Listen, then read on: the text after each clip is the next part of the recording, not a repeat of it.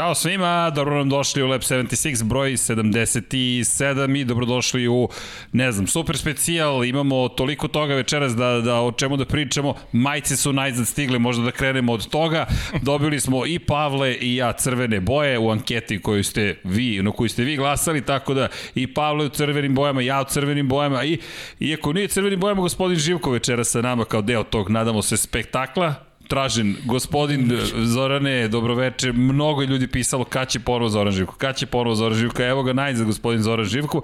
U pravom trenutku rekao bih večera specijal između ostalog Kimiru i Konenu. Ti si samo par puta sa njim vodio intervju, jedno 5-6 puta, koliko puta? Zvanično. Zvanično. Da. Bilo je onih nezvaničnih susreta, ali Možda kasnije malo o tome. Da, pričat ćemo o tome, ali pošto je 77 i broj za Valterija Botasa, eto još jednog letećeg Finca, a onda naravno moramo da spomenemo Miku Hakinena, pa malo i Kekija Rosberga, najnovije vesti, nismo prošle, prošle nedelje stigli da pokrijemo predstavljanje Aston Martina, novi Haas se pojavio, pojavio se novi Williams, sutra, eto, ne znam da li je slučajno ili, ili ne, izlazi i Ferrari, pa eto te crvene boje, novi sponzori na sve strane, nama još uvek stari sponzor, da tako kažemo, Philips, One Blade, šta smo rekli, nije brijač, već je One Blade u pitanju, tako da imamo i mi naše sponzore, to je komercijalizacija i vidiš kako postanemo deo ambijenta Formula 1. ne može bez sponzora. Ne može bez sponzora, nikako. Tebe sponzoriš Darth Vader, koliko ja vidim. e, da, Sila je sa mnom, valjda. Apsolutno je sa tobom sila. Tako da, dobro nam došli, kao što smo rekli, pričat ćemo o tehničkom kutku, I hvala svima što ste sa nama i što ste strpljivi bili, malko smo kasnili, dok smo sve završili i čekali smo majice, evo stigle su. Inače, druga najpopularnija majica u mom slučaju je bila naranđasta, to su McLarenovci pretpostavljeni bili, a kod gospodina sa moje desne strane Pajo... Zelena, da, ne znam šta je ovaj povod. Aston Martin, evo Martin, Dom Pablo slavi Aston Martinove boje. Ali na kraju pobedila crvena izgleda. Da, pobedila je crvena boja. I kod tebe i kod mene. Ti da. si ubedljivije dobio tu ovaj crvenu. Ja sam 34% ja sam, imao. Kod mene je drama bila. Da, ja, tebe... sam bola, ja sam već obuku bio zeleno i onda sam morao da se presvučiti. Da, I da li su to Fetelovi navijači? Moguće. Znaš, to, Moguće. to je ta neka veza koju tražimo. Teško se navikavaju. Te, da, teško se da, navikavaju, da, teško da. se navikavaju, ali nema veze. Biće zanimljivo ova sezona iz te perspektive. Svašta ćemo proći, kao što smo rekli i kao što stalno govorimo prethodnih ljudi, vodite računa jedni od drugima pre svega. Odavde volimo da šaljemo lepe pre svega emocije, ljubav, nadamo se da će biti dobar dan, dobro veče, nadamo se da ćete uživati još samo dve i po nedelje do početka sezone i sve više uzbuđenja. Što se nas tiče, pa previše vremena je prošlo odavno, vreme nekako da krenemo i kao što smo rekli, eto i mi imamo sponzore, pa eto kasnije ćemo još malo da pričamo o tome, to nam je deo sada i posla, uslovno rečeno, mada se mi lepo zabavljamo. Ja sam danas sveže obrijam, pa eto ti si isto trimovan. Trimovan, da. A vodimo računa o, o, o ličnoj higijeni izgledu. No, da mi ljudi krenemo, odakle ćemo da Ajde. da krenemo? Imamo danas mnogo toga. Da, inače, bit će nam i Filip Đorđević, izvini sa nama večeras da, u jednom da, trenutku. Da, da. Zašto? Zorane, ne znam da znaš. Čovek u PowerPointu, u PowerPointu crta bolide i dezene bolida, livreje bolida, ne znam da li si ispratio taj moment, ali u PowerPointu. ja nemam komentar. U PowerPoint mi deluje kao nešto što ćeš pripremiti klasičnu prezentaciju. Prezentaciju ili nešto drugo, mislim. Mi smo... Ne bih imao živac. mi smo fascinirani. Snimio je video. Video je trajao oko 25 minuta, tako da ćemo mi napraviti poseban video na kanalu da vidite šta je sve radio. Međutim, pridružit će nam se Filip večeras putem Zuma, čisto malo da upotporimo da. ovaj doživljaj, a i naravno da se ispričamo sa njim da vidimo šta zapravo to čovek radi, radi. i kako to radi. Da, meni je to fascinantno. Šta ti u ovom trenutku radiš? Da krenemo prvo od tebe. Mi, mi prešli smo na ti umeđu vremenu. Može, slobodno. Nije problem. U ovom trenutku sam jedno od naših izdanja ovaj, zaključivali, ali da kažem da zloupotrebim novi Top Speed se pojavljuje na kiosima za dva dana. Nije to jedina, jedina stvar koju, koju, kojom se bavimo, ali e, interesantno je to da ova dinamika večito ru, ruši. Ja napišem u uvodniku jednu stvar i onda 4 sata kasnije se pojavi e, konkretno tema je bila e, Ferrari i ulazak njegov u naprav, zapravo ulazak u kategoriju hiper uh, sportskih automobila za Le Mans. I trka je trebala da bude 4. aprila, kada smo trebali ne Ferrari da vidimo, ali da vidimo kako uopšte ta kategorija funkcioniše. A onda je ispalo da se trka pomera za negde jun mesec i da će debi biti na sasvim drugom mestu. Tako da događaj Uvodnik pretiču. se promenio. Da. da. Ali dobro, to jeste velika vest. O tome baš ćemo da pričamo.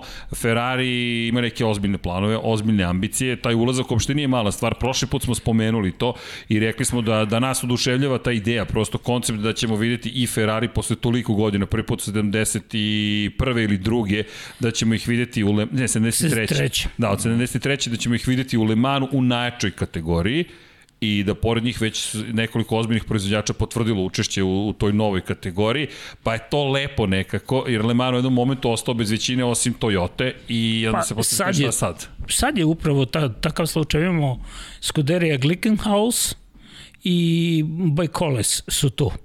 I to zajedno sa Toyotom ipak ne može da se meri jer Toyota je fabrički tim sa resursima koji su neograničeni. E, FIA je pokušala da napravi neku trijažu tu i da pri, očajnički treba jedno veliko ime da bi privukla i ostale. E sad, ima tu i novih, nekih novih momenta, jako su se usko mešali u Porscheu u poslednjim danima i ovaj, uh, kao da su se možda malo zamorili od ovih električnih serija, pa nešto se sad ubrzano razmišlja i neki F1 planovi su se zakotali, ali u svakom slučaju e, FIA i organizatori Le Mana su osnovali posebnu kategoriju hipersportskih automobila upravo da bi privukli, da bi još neke proizvođače pravila su manje više već e, definisana, samo Ferrari još nije obzanio sa kojim modelom mhm. tačno će se takmičiti, što u krajnjoj liniji nikome nije ni važno, bitno da je Ferrari da, tu. Ferrari, da. Da, pa to je, to je taj moment od Ferrarija. Pa pogledaj, mi smo dobili crvene majice. Pretpostavka nam je da ima veze sa Ferrari. Pa kako ne? Pa, A da. da, da. Ubedljivo najpopularniji tim i onda neko kaže i ćemo u Le Mans. To već privlači pažnju. I na sve to treba dodati još da je Ferrari m, e, sada dosta aktivna na tržištu inženjera, ponovo je onaj deo usisavanja i kupovine, e, jer ta tehnologija, e, ok, ovi motori će biti aktualni još neko vreme, ali pretpostavlja se da se neće promeniti bez obzira na, na sve, da se neće promeniti, da će hibridna tehnologija i dalje ostati u Formuli 1 i da se to sad treba pripremiti za budućnost. Pa da, do 2025. nećemo menjati motore, dakle Honda i Red Bull su na neki način dobili ustupak, to jest omogućeno im je praktično da ostanu konkurentni do daljnjeg i da imaju dovoljno vremena da se pripreme za šta god da dolazi kasnije. Ali i tada se veruje, kao što si rekao, će ostati hibridni motori, samo se pretpostavlja da će se najzad, najzad, ne kažem najzad zato što tome to želim ili ne, nego mnogi traže zapravo da se smanji količina hibridne tehnologije, to jest makar jedan turbo kompresor manje, da imamo, to jest da, da, da, da ERS sistem makar ne postoji ako je moguće. Ja mislim da je hibridna tehnologija ono kako je počela pre e, pa se svake dan, svake godine sve više uvećavalo, uvećavalo, sada smo došli e, do takvog stadijuma da već ni sami mehaničari u timu kada bolid uđe u boks e, ne znaju da li baterija se puni, prazni, u kom je režimu, da li smeju da pipnu bolid ili ne smeju. I to nije dobro za trke. Mislim, e, e, vi sad više ne možete da prepoznate momente te, bez obzira na one lampice, pa kao mi sad mislimo tu puni, koliko je baterija puna i koliko je prazna, znaju samo oni ljudi koji sede pozadi. Čak ni vozači i oni čak traže čujemo ponekad u komunikaciji da traže više snage od onoga što je prikazano. Neko sedi za računarom i kaže dobit ćeš ovoliko ili nećeš yes. dobiti ovoliko. I to, ni, to je ono što nije dobro. Ranije, ako se sećate, e, pa je bio Kers 18 sekundi, pa, je, yes. e, pa se znalo, pa je ipak davalo neku draž. Ovo sada... Yes. Još jedna bitna napomena, Kers nije bio automatski zapravo korišćen, to jest nije se aktivirao automatski sada i to je ono što je Renault dugo pokušavao da reši i jeste bio problem u tome kada se aktivira automatski i na, u kom delu, da li kako bi izbjegao turbo rupu ili treba da pojača snagu samog pogona ili treba nešto između da uradi. Mi imali smo situaciju u kojoj vozač bira kada će Kers da iskoristi, to je bilo super jer je on mogao da isplanira svoj krug i kaže ok, štedim ovde, imam zavetrinu, ali ću zato na izlasku iz krivine, na primjer da iskoristim Kers i da napadnem, jer to je to dodatna snaga, ali ne odlučuje publika, ne odlučuje inženjer, odlučujem ja, ja sam taj koji upravlja. A to je suština takmičenja. Pa da. To, treba, to je suština trkanja. Treba, pa naravno. Pa. Treba uh, trke vratiti vozačeva i verovatno je zato uh, ova tema o čovek o kome Jest. trebalo bi da govorimo, uh, znači on je baš zato i toliko popularan. Pa, on je pokrio mnoge ere. To je čovek koji je pokrio i mnogo toga i čovek koji je pretečan i mogu bih reći sad pa i Maxa Verstappena zašto? On je taj koji je sa malo broja trka došao zapravo u Formulu 1. Ono što ti često navodiš, Schumacher Mihael koji ga je video i rekao ok, u ovom momku nešto postoji, Zauber koji mu dao ugovor i onda je krenula ta legenda, mit zapravo o, A dobro, o Kimi Raikkonenu. iskreno, iskreno, ni Mihael Schumacher nije imao puno trka kad se pojavio Pa, uh, mislim, uh, nije imao toj background. Mihael je bio pripreman za sportski program yes, Mercedes. Mercedes. O, to je bila njegova kad je, čak sa Zauberom. Kad zapravo. je Willy Weber njega ugurao u, u Formulu 1, e, to je bio, mislim, pretpostavljam da, da, da znate tu priču kako je bilo kad je Bertrand Gašol Ako ne, zbog, ali, jest. ali suština je u tome zato što je su pitali, Eddie Jordan je pitao da li vaš rezervni vozač ima iskustva. I Willi Weber je rekao da. On je da li je vozio na, na, na, na, u spa? On je rekao da. Vozio, samo nije rekao šta je vozio, Mihael Schumacher vozio bicikl. Bicikl, da, da to je da. čuvena priča o biciklu, on je samo bicikl vozio u spa. Dakle da... Ali je bio šesti u kvalifikaciji. Dobro, ali iskreno, iskreno odgovorio, vozio je. Da. Ja, nije, nije pitanje nije bilo konkretno. Tako je. Sad, nije kako sam... god ta karijera je krenula, pojavio se Kimi Raikkonen, on je debitovao u Zauberu kao mnogi vozači koji su prepoznati tu i kao rasadnik talenata i moram reći da je mm, ajde da kažem u početku da upotrebi neku blažu reč malo me iritirao novinare a više iritirao, pogotovo kad je prešao u prvim godinama, kad je prešao u Mercedes, odnosno McLaren Mercedes, tu je više iritirao PR službu, baš zbog te svoje introvertnosti, povučenosti, e, nespremnosti da komunicira. Tad je West bio glavni sponsor i oni su čuda radili Raikkonen je bio neupotrebljiv. Da, ali ono što je meni fascinantno kod njega jeste, kažeš, introvertan je. Jeste introvertan, ali njegovi ispadi su toliko ekstrovertni zapravo kada se dese, da on kompenzuje sve. I one čuvene izjave koje smo prenosili, kada to doživiš u direktnom prenosu i, i pogotovo ono u Abu Dhabi, ostavite me na miru, leave me alone, I know what I'm doing i slične da, stvari. Ima emociju, ima to, emociju. Da, to je iskreno. Nije robotizovan, nego je, nego je iskren, ima iskren nastup uvek i to je nešto što ga... Da što ga onako privlači nekom običnom posmatraču. I, ne, i, i ja sam i ruku na srce isto imao simpatije za njega od momenta kad se pojavio. Neko je bio neposredan, drugačiji od, od, od nekog klišeja uh, koji, koji prati vozači Formule 1. Jeste, samo je bio jako težak sagovornik. Ja se sećam da sam prvi intervju sa njim bacio.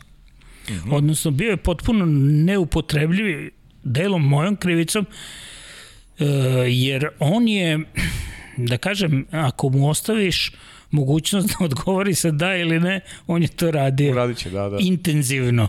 I uh, sve govorio, I just think, u pola glasa. Ne, ne možeš da ga razumeš i pritom su odgovori kratki. Uh -huh. I zato je dovodio do ludila e, PR službu. E onda kad je u, u Mercedesu sam u McLarenu sam mu već uh, Ovo su svežije ovo je, fotografije. Ovo je svežije fotografije, tu se već opustio. I još nešto, mm, on ima, da kažem, dva lica onako neka za, za one ljude koje poznaje i za, e, mogu reći da mi je mnogo u, u, u razumevanju njegove e, pomogao i Miodrag Kotur iz, uh -huh. iz mhm. Ferrarija koji je dugo bio šef logistike tamo i pratio šta rade i ostali timovi i zaduženja. Između ostalog, mm, sećam se jedno, e, jedne večeri smo bili u Budimpešti, ostali malo duže, Miodrag je morao da e, ode ranije sa staze, zamolio je da prebacim nekoga iz Ferrarija do njihovog hotela, tamo je sačekao, pa kao ajde, ostanemo na večeri, pa se ta večera pretvorila, sedim u, u baru i dok smo sedeli za šankom, pored nas je došao čovek sa crnim kačketom, naočarima za sunce u, u kasne noćne sate, crnoj majci sa ruksakom na leđima. I znam da je Kotor se samo sada kaže šta ovaj radi ovde. Pi, okrenemo se i pogledamo Rayconen. Dupla vodka, popio i kao ide na spavanje. Dobro. Mi smo ovako ostali. čovjek. E, ali onda, onda e, igrom slučaja kad je video, kad je video Miodraga, onda je rekao, kaže, bio sam u šetnji, pa ovo, pa ono i pomalo. I sad je video da smo uh, kolega i jedan novinari, tu je malo ustukno, on je Kotor mu je objasnio da smo mi prijatelji, da smo dovezli njegov, e tu je njemu već mnogo, mnogo lakše bilo i onda je zapravo se videlo njegovo pravo lice, šta on voli, koliko je, sa, e, koliko je e, da kažem, mnogo, mnogo e, zreli. Ovo je sada već u momenti kada, kada je u Ferrariju ona sezona i onaj čuveni događaj u Monci e, god ta godina kada je Fetelu nije pomogao, ali Kad to je... Kad je bio na pol poziciji. Da, to su da. dva dana ranije zaopštili da gubi mesto u timu.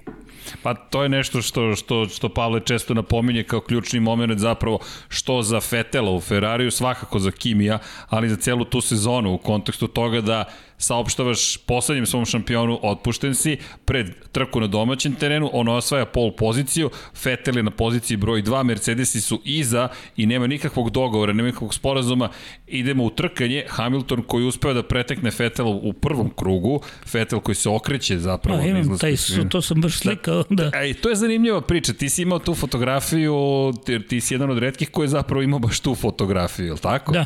I gde ona, to, to smo spomenjali prošli put, ja se izvinjam, da dugujem izvinjenje za, za prekidanje. Prošli put, vidi, imao sam toliko kritika što sam te prekidao, tako da sam, nadam se, naučio da ćutim povremeno. Da, tu je, tu je ta fotografija, možda ćemo je vidjeti u nekom e, trenutku, nije problem. E, iskomentarisat ću, mislim, e, u svakom slučaju, u svakom slučaju e, zanimljivo je da je Kimi e, ono, on je e, čovek vrlo jednostavan u suštini kada e, kada razumete na način na koji, na koji funkcioniše, kod njega nema, e, nema tu previše kalkulacija u, u, u onome. On, da si... on reaguje onako kako reaguje. Možda se to nekome sviđa ili ne, ali reaguje na, na, na prvu loptu i nema okolišanja. Da li se sećaš kada je pitao, ok, recite mi šta hoćete da uradim? Hoćete da, da ga pustim? Samo mi to recite, a ne skrivena poruka. Hoćete da ga pustim? Ok, evo pustit ću ga. Da. I to je isto bilo te sezone i zanimljivo je, tražili su, evo ga taj moment. Da. I ovo je tvoja fotografija autorska. Jeste, da. da mislim, postoji cela serija. Tu se vidi da Kimi vodi, da su se da je Hamilton lepo ušao u putanju, Vettel je probao da prođe nijotkuda, to je varijanta uh, Basa, odnosno uh, Dela Dela Rođa. Rođa. E, I onda je ovaj, e, prosto Kimi je vozio svoju trku, Vettel je izgubio i tu izgubio sve šanse, a Hamilton je tu prosto nadigrao sve i to je bila ona čuvena pobjeda koja je potpuno otvorila. Međutim, još druga, druga stvar se tu desila između ostalog, tu je Mercedes pametno igrao uh, u, sa, potezom, da. sa potezom koji kad je homologovao sve motore na početku sezone, iskoristio sve motore i onda kad je došlo ono ograničenje sa trošenjem ulja, on je imao sve motore u funkciji, dok je Ferrari morao da smanjuje. To je uradio pred trku u Belgiji zapravo. Šta su uradili u Mercedesu? Nisu čekali Moncu, već su posle letnje pauze rekli homologacija će da se obavi sada i svi su se pitali kako, zašto sad homologirate kada to se ne radi u ovom trenutku, ali je Ferrari prenebrgao činjenicu da će do Monce biti prekasno za novu homologaciju i Mercedes je samim tim mogao više zapravo ulje da troši, bukvalno da, da troši i da sagoreva više ulje, samim tim zadrži veću snagu do kraja sezone. A Ferrari nije mogao homologaciju da obavi, a da ne ode na začelje. Da, bilo je ono 900 grama Jest. na 100 km, a pa je onda skinuto na 700 Što nije mala razlika. Što nije mala razlika, imate 200 grama ulja na 100 km koju smete da spržite u cilindrima. Planski. Da. Planski to je, ali to je neko seo i pametno promislio. U Ferrariju su e, preglomazna e, institucija opterećenja i mestom i istorijom i sve i još onda kada bi neko od e, glavno komandujućih ljudi dolazio dok je ne znam, e, bilo ko od, od, od šefova kada je dolazio, kod njih je uvek bilo opsadno stanje u timu. Zato što taj dolazi, zato što dolaze i nikako nisu mogli da se skoncentrišu na trku. Ja se sećam 2010. godine kad je Alonso jurio u Abu Dhabiju e, kad je trebao, pa ni mogu kubicu da obiđe. Došao je Luka Di Montecemolo kao da nas sa, sa strategijom da ono, Luka Di Montecemolo je nestao u pola trke. Nikad ga posle nismo videli. Znači, oni su svi bili fokusirani na Luku, Alonso, Alonso kako je strategija pala u vodu, tako su se lepo izmigoljili. Da, inače Pajo ovde pitaju, Petro, to zbog crvene majice te nema u... u... Pa, slušamo Zorana. ne, ja... šalu na stranu, ali da, trudimo se da pre svega ispoštujemo gosta, Tako ali je. moram da konstatujem, ne znam zašto... Ne znam zašto crvena, crvena na radu, šta fali crvena? da, inače ima tu neka veza, ali to iz nekih drugih priča. Da. Ali kad spomenješ Vettel, izvini, samo da iskoristimo priliku, malo da izmešamo karte, da iskoristimo situaciju u kojoj se trenutno nalazi. Vratit ćemo se i na Kimije, vratit ćemo se i na Ferrari, međutim nekako priča otišla na pre svega na Ferrari, u, u, Vanje nas je bacio nekako odmah u, u, u budućnost i da iskoristimo priliku. Prošle nedelje je Aston Martin predstavio novi bolid. Aston Martin je rebrandiran i zapravo Racing Point koji je rebrandiran, koji je rebrandiran na Force India i tako idemo unazad sve do Jordana, do Jordana možda. zapravo. Pa i to je možda prikladno s obzirom na činjenicu si spomenuo Gašoa i Schumachera i da od njih sve krenulo. Pa dobro, da, onda Seven ima tu Jordan. i Midland i Spiker. ima i Spiker između i, i ima, ima mnogo toga. Ali dobro, oni koji su stvarno ostavili dubok trag jesu Jordan, imao i pobede. Force India nije imala pobeda, ali je bila na poziciji broj 2. Imala je. Pobede? A, zar nije Pa dobro, mislim da, Fizikela. Pa Fizikela, da, da, bio ja sam, na drugoj poziciji. Da, da, na drugoj, da. Bacio si me u trenutak. Da, da, da, izvinjam se, ja sam, ja sam već prešao u, u, Racing u. Point. U Racing Point. da, da, a Racing Point nam je da, doneo tu, tu jednu pobedu sa Sergio Perez da. prošle godine i sad kreće avantura sa Aston Martinom i naravno, mor, ja, ja nisam uradio, nisam nešto lepo uradio, ja se izvinjam. Ljudi, znate ko nam se vratio? Ne samo gospodin Živkov, nego se i Vanja vratio, tako da molim vas, Vanja je ponovo sa nama posle dve i po tri nedelje Vanja evo, pobedio. Pobedio. Pobedio je Vanja, nismo naravno ni sumnjali. Dom Pablo, hvala sad ulozi savjetnika, ponovo može da dominira sa strane. Konsiljere. Konsiljere, to je uloga, ali Vanja nam je ponovo tu, tako da sad mogu ponovo da izgovorim, Vanja može, može, može fotka. Ili imamo Aston Martin možda video, to smo puštali u Moto Grand Prix, ali da bacimo pogled. Sebastian Vettel od tog momenta kada je pobedio Fernanda Alonso 2010. Ćemo se vratimo na Kimi onda posle. Osvo, tako je, osvojio još jednu, dve, tri titule, četiri ukupno, otišao u Ferrari posle jedne neuspešne sezone sa Red Bullom na početku hibridne ere, nije osvojio titulu i sada evo ga u Aston Martinu. Zorane, vratit ćemo se na Kimija svakako, ali prosto da ispoštujemo i, i trenutne aktuelnosti i vesti. Kakav je tvoj pogled na Aston Martin i sve to što zapravo Stroll stariji čini, sponzore koje tu vidimo i kako to sve izgleda i Mercedesove inženjere za koje čujemo da su stigli i veza s Mercedesom i činjenica da sad Aston Martin i Mercedes dele uloge u bezbednostnom vozilu i medicinskom vozilu. Ne samo to, tehnologija e, Mercedesa se odavno nalazi u Aston Martin. Mislim, odavno. Treba ono kad je Aston Martin počeo razlaz sa Fordom, pa kada je ovaj, krenuo jednim drugim putem, da kažem, potpao pod e, neke druge e, azijske proizvo, proizvođače automobila i vlasnike. U svakom slučaju Aston ima e, sada vrlo ozbiljnu tehniku, vrlo ozbiljne resurse i vlasnike koji se imaju ozbiljne planove.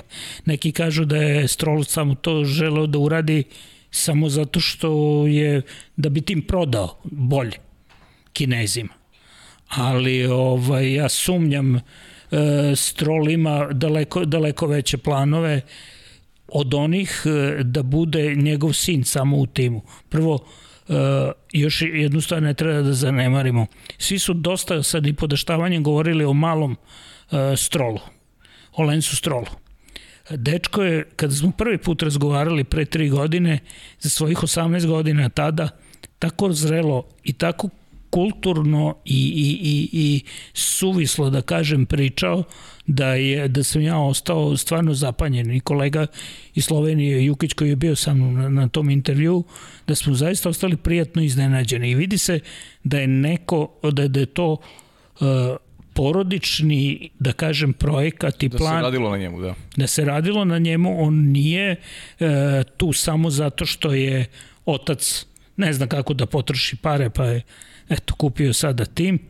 Otac ima mnogo više para od toga, ali verovatno ima i ozbiljne planove sa Uh -huh. e, kako će meni se kompletan projekat Aston Martina i, i ta pojava e, dopada, ono što mi se ne dopada je prevelika sličnost sa Mercedesom u smislu putničkog programa i deobe, a opet e, kad pogledate danas je jako teško naći automobile koji su samostalni ili proizvođače nije isplativo. Taj koncept gotovo da ne postoji kada su počeli da dele platforme proizvođači, Sve... manje više osnova je ista, da. a oblik konačni kako će, kakav će biti to je već malo drugačije, da. ali suština, srce i, i, i neću da kažem baš duša, ali telo je na neki način, kostur je isti. Pa i dok je bio pod, pod Jaguarom i Fordom, za Aston Martins je važilo pravilo i u Engleskoj, svi su uvek bili fascinirani kada se pojavite u Aston Martinu, Aha. iako ste vi sami znali šta vozite, da to baš ta tehnologija nije podražavala. Sada je mnogo drugačije. Kada vozite Venkiš, to da je. je nešto sasvim drugo. Da, ovde ćemo da vidimo, ja se nadam, pa nemoj da. zaboraviti i Valkira i ceo taj projekat koji je rađen sa... Sa Red Bullom, da. Tako je, ali ovo je mnogo lepo bolite. Mi smo pričali o tome koliko je lep je lepa Alpina, ali pogled, a pogledaj samo sponzore. Prvo boja, ta britanska zelena trkačka. Racing Green, da. Jeste. Zatim pogledaš ko su sponzori i kažeš čekaj, ova ekipa se ozbiljno opremila. Ovo je inače pogled na nove elemente, to, to smo već videli na kraju prošle godine sa Racing Pointom, doći ćemo do tehničkog kutka, super što Aston Martin dao autentične fotografije, ne samo rendere, da. kada pogledamo, pa pre svega glavni sponsor i kada pogledamo taj skok na, na, na pra, praktično industriju informacijalnih tehnologija, to je veoma ozbiljna stvar. Cognizant ne samo što je na prednjem krilu, inače da. sve ovo izgleda prelepo, već je po celom bolidu, britanska zastava se vratila. Ovo je pogled na prednje, na, inače prednje oslanjanje koje je takođe promenjeno u duhu Mercedesa, mnogo toga podsjeća na Mercedes, generalno bolid izgleda pa, ponovo To je bila ona kazna. Tako je, da. Nadam se da nije baš sve, sve toliko. Ovaj koncept e, nosa je interesantan, to jeste preslikano od Mercedesa. Razlika počinje iza e, zadnjih, iza hladnjaka, što može biti i krucijalna razlika. Pitanje je kako će se hladiti Mercedesov motor u Mercedesu, jer znamo da je on e, potrošio poslednje tokene već sada Jest. Mercedes. Oba na, tokena koje su imali e, na razvoj motora. Pitanje kako će se ovde hladiti, hladiti motor novi i koliko mesta. Mercedes, Mercedes nije imao mesta, Racing Point, odnosno sad Aston Martin, verovatno je za taj problem znao I drugačije ispopčenje, vidjet ćemo to u tehničkom su, kutku. Očigledno da, da, da je tu drugačije razlike, počinju, kažem, iza zadnjih, ovaj, iza uvodnika vazduha. U svakom slučaju, e, lepo je videti e, druge boje malo, i konačno videti ekipu koja ima sve e, e, ljudi koji vode Aston Martin imaju jasnu viziju. Meni se bar tako čini. Da, delo je zaista.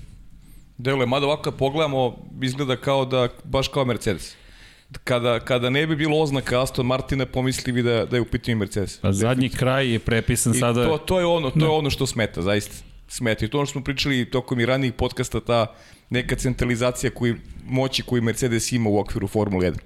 I to smeta kada govorimo i o tekućoj sezoni i verujem da će biti isti slučaj e, narednih godina, da će Mercedes tu poziciju koju ima zadržati i dalje. Imate velike timove koji su pod šapom Mercedes. Pa da, to je taj problem o kojem se priča. Evo, iz Zorane, ti isto često to napominješ kakva je situacija zapravo u odlučivanju. Jedini ko se raduje Dom Pablo zbog Sebastiana Fetela i Aston Martina, ali to je ono što si ti prospominjao ali, ali, ne, put. ali nema tu radosti. Nema radosti zbog, zbog toga što ne možeš ti da pobediš fabričku ekipu. Ne možeš da pobediš fabričku ekipu. To je nemoguća misija. Pa, uvijeti fabričku To je ona naša skepsa čuvena. Ma da evo, da bacimo pogled i na ovo, ajmo da uživamo. Ovo, ovo je dečački moment. Pavle, ti si da. 100% u pravu. Pobediti fabrički tim Mercedesa, ja vidim, pa, možda, možda u nekoj izuzetnoj situaciji. Da, možda nekad na nekoj trci, ali pobedi ih u šampionatu, to je nemoguće. Inače, ako se pitate zašto nema zvuka, prošli put smo dobili copyright strike, iako Formula 1 management tvrdi, nismo strike dobili, izvinja se, copyright claim, iako Formula 1 management tvrdi da ovo njen video, nije. Ovo je video koji smo dobili direktno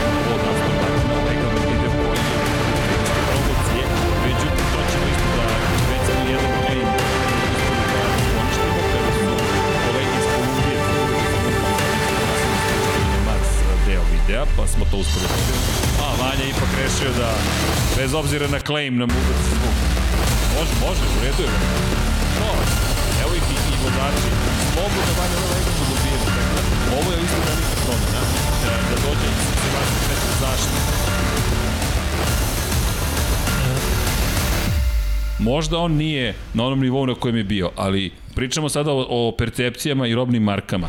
Ovo je Aston Martin, ovo je nešto sasvim drugo. Ovo nije Racing Point. I ne samo što nije Racing Point, treba pogledati ono drugo, e, što će i safety car na nekim trkama yes, biti tako. Aston Martin. Na izmeničnom Mercedes i Aston, I Aston Martin. Martin. Ne znam, ne znam samo da li će Bern Meinlander voziti da. da i, i jedno i drugo. Da. Hoće, hoće potvrđene. Jel, Ho potvrđene. Možda, možda Jer niko, možda niko da negde... Hulkenberg bude vozio Aston Martin. Probao sam ako ništa drugo, eto mesta tu da se, da se nekako uvuče.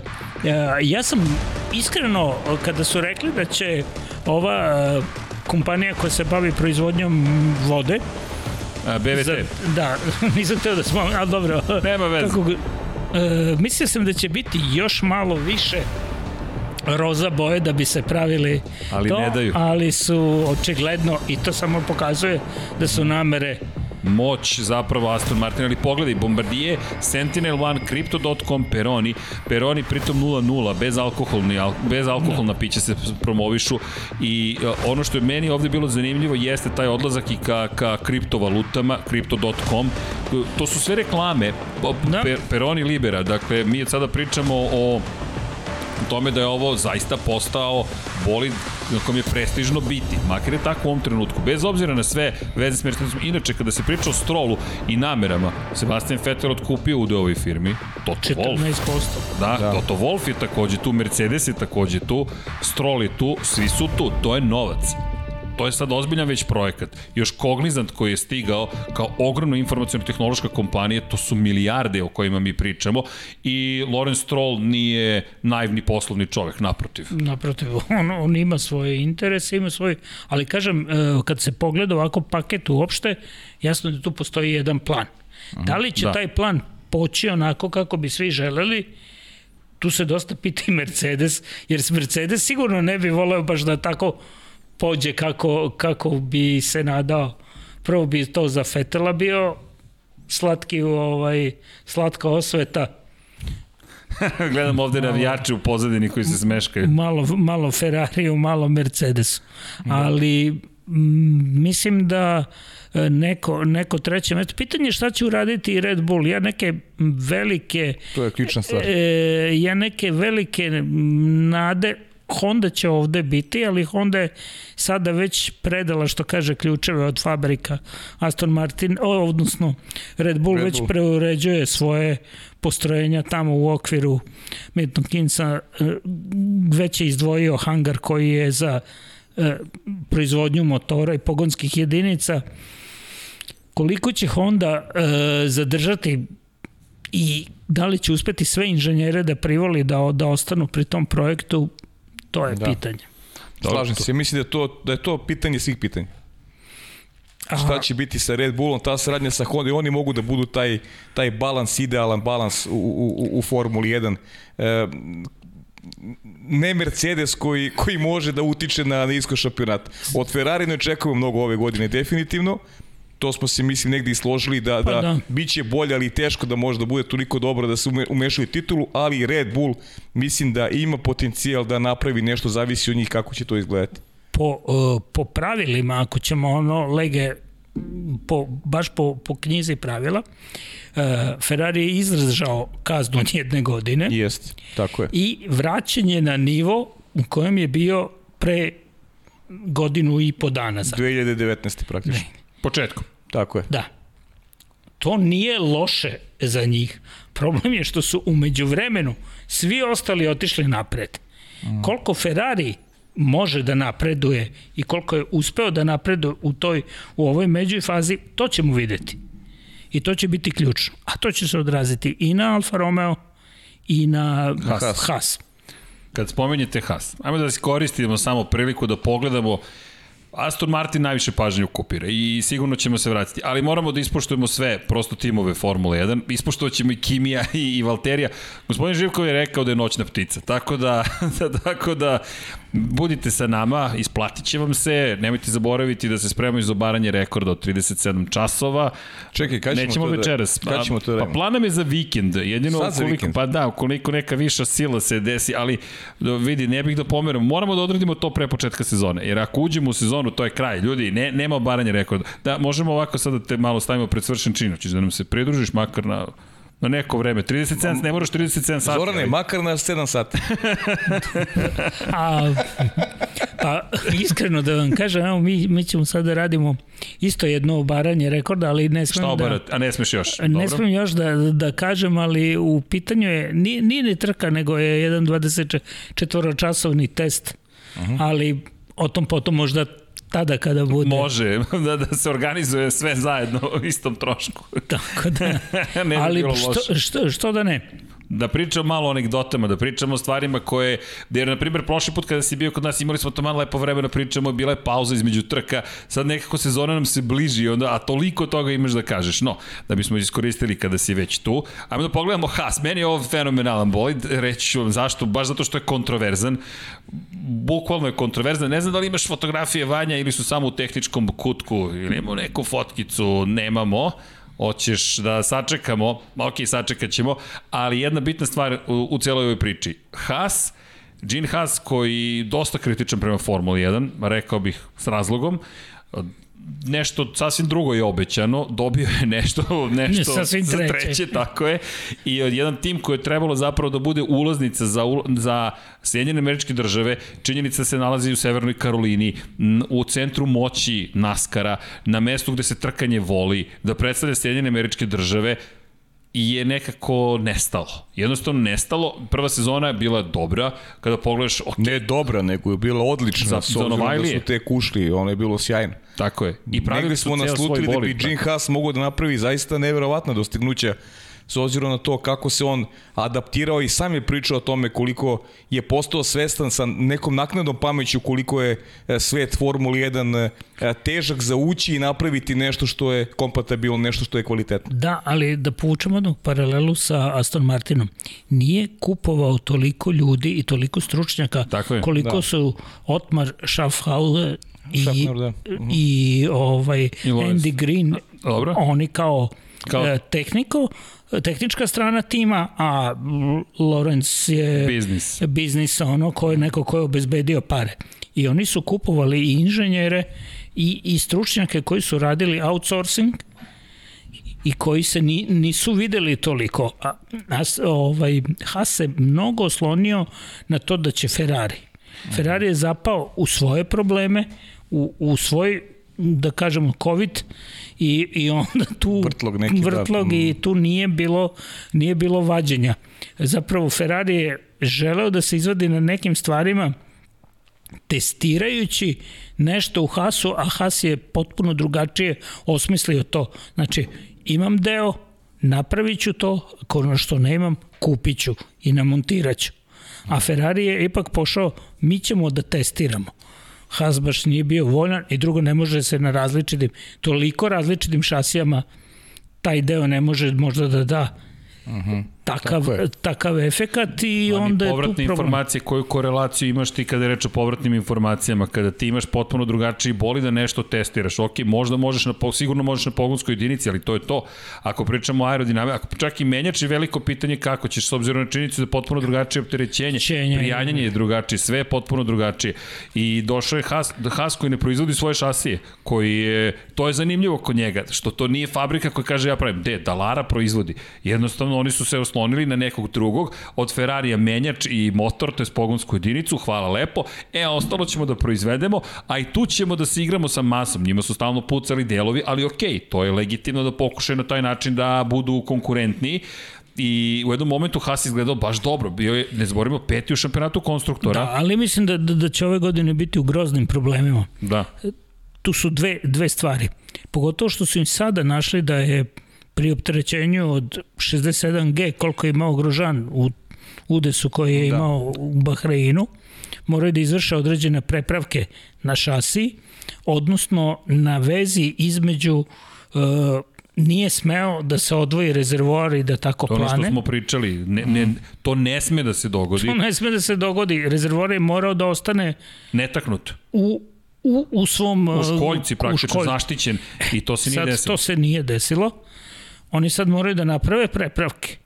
A kako da naprave prepravke kad će pravi motor Ferrari dobiti tek za 6 dana je, pa to u Bahreinu? Da, to da. smo i pričali. Oni su tu u najgorem položaju oni poslednji u stvari dobijaju taj Ferrari agregat. I, I još jedna stvar, oni nisu upotrebili ni jedan Ali token. ono što je rekao Zoran, to je suština cele priče.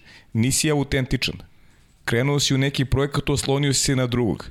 U takvoj raspodeli, u, u takvom odnosu ti ne možeš da očekuješ jer ne zavisi od tebe. Ako ne zavisi od tebe, e, spreman si da, da za velike gubitke, a to se upravo desilo ekipi Haas. A Gene Haas je u raskoraku, nije spreman na te gubitke. Ne, ne samo to, nego Gina Haasa nema.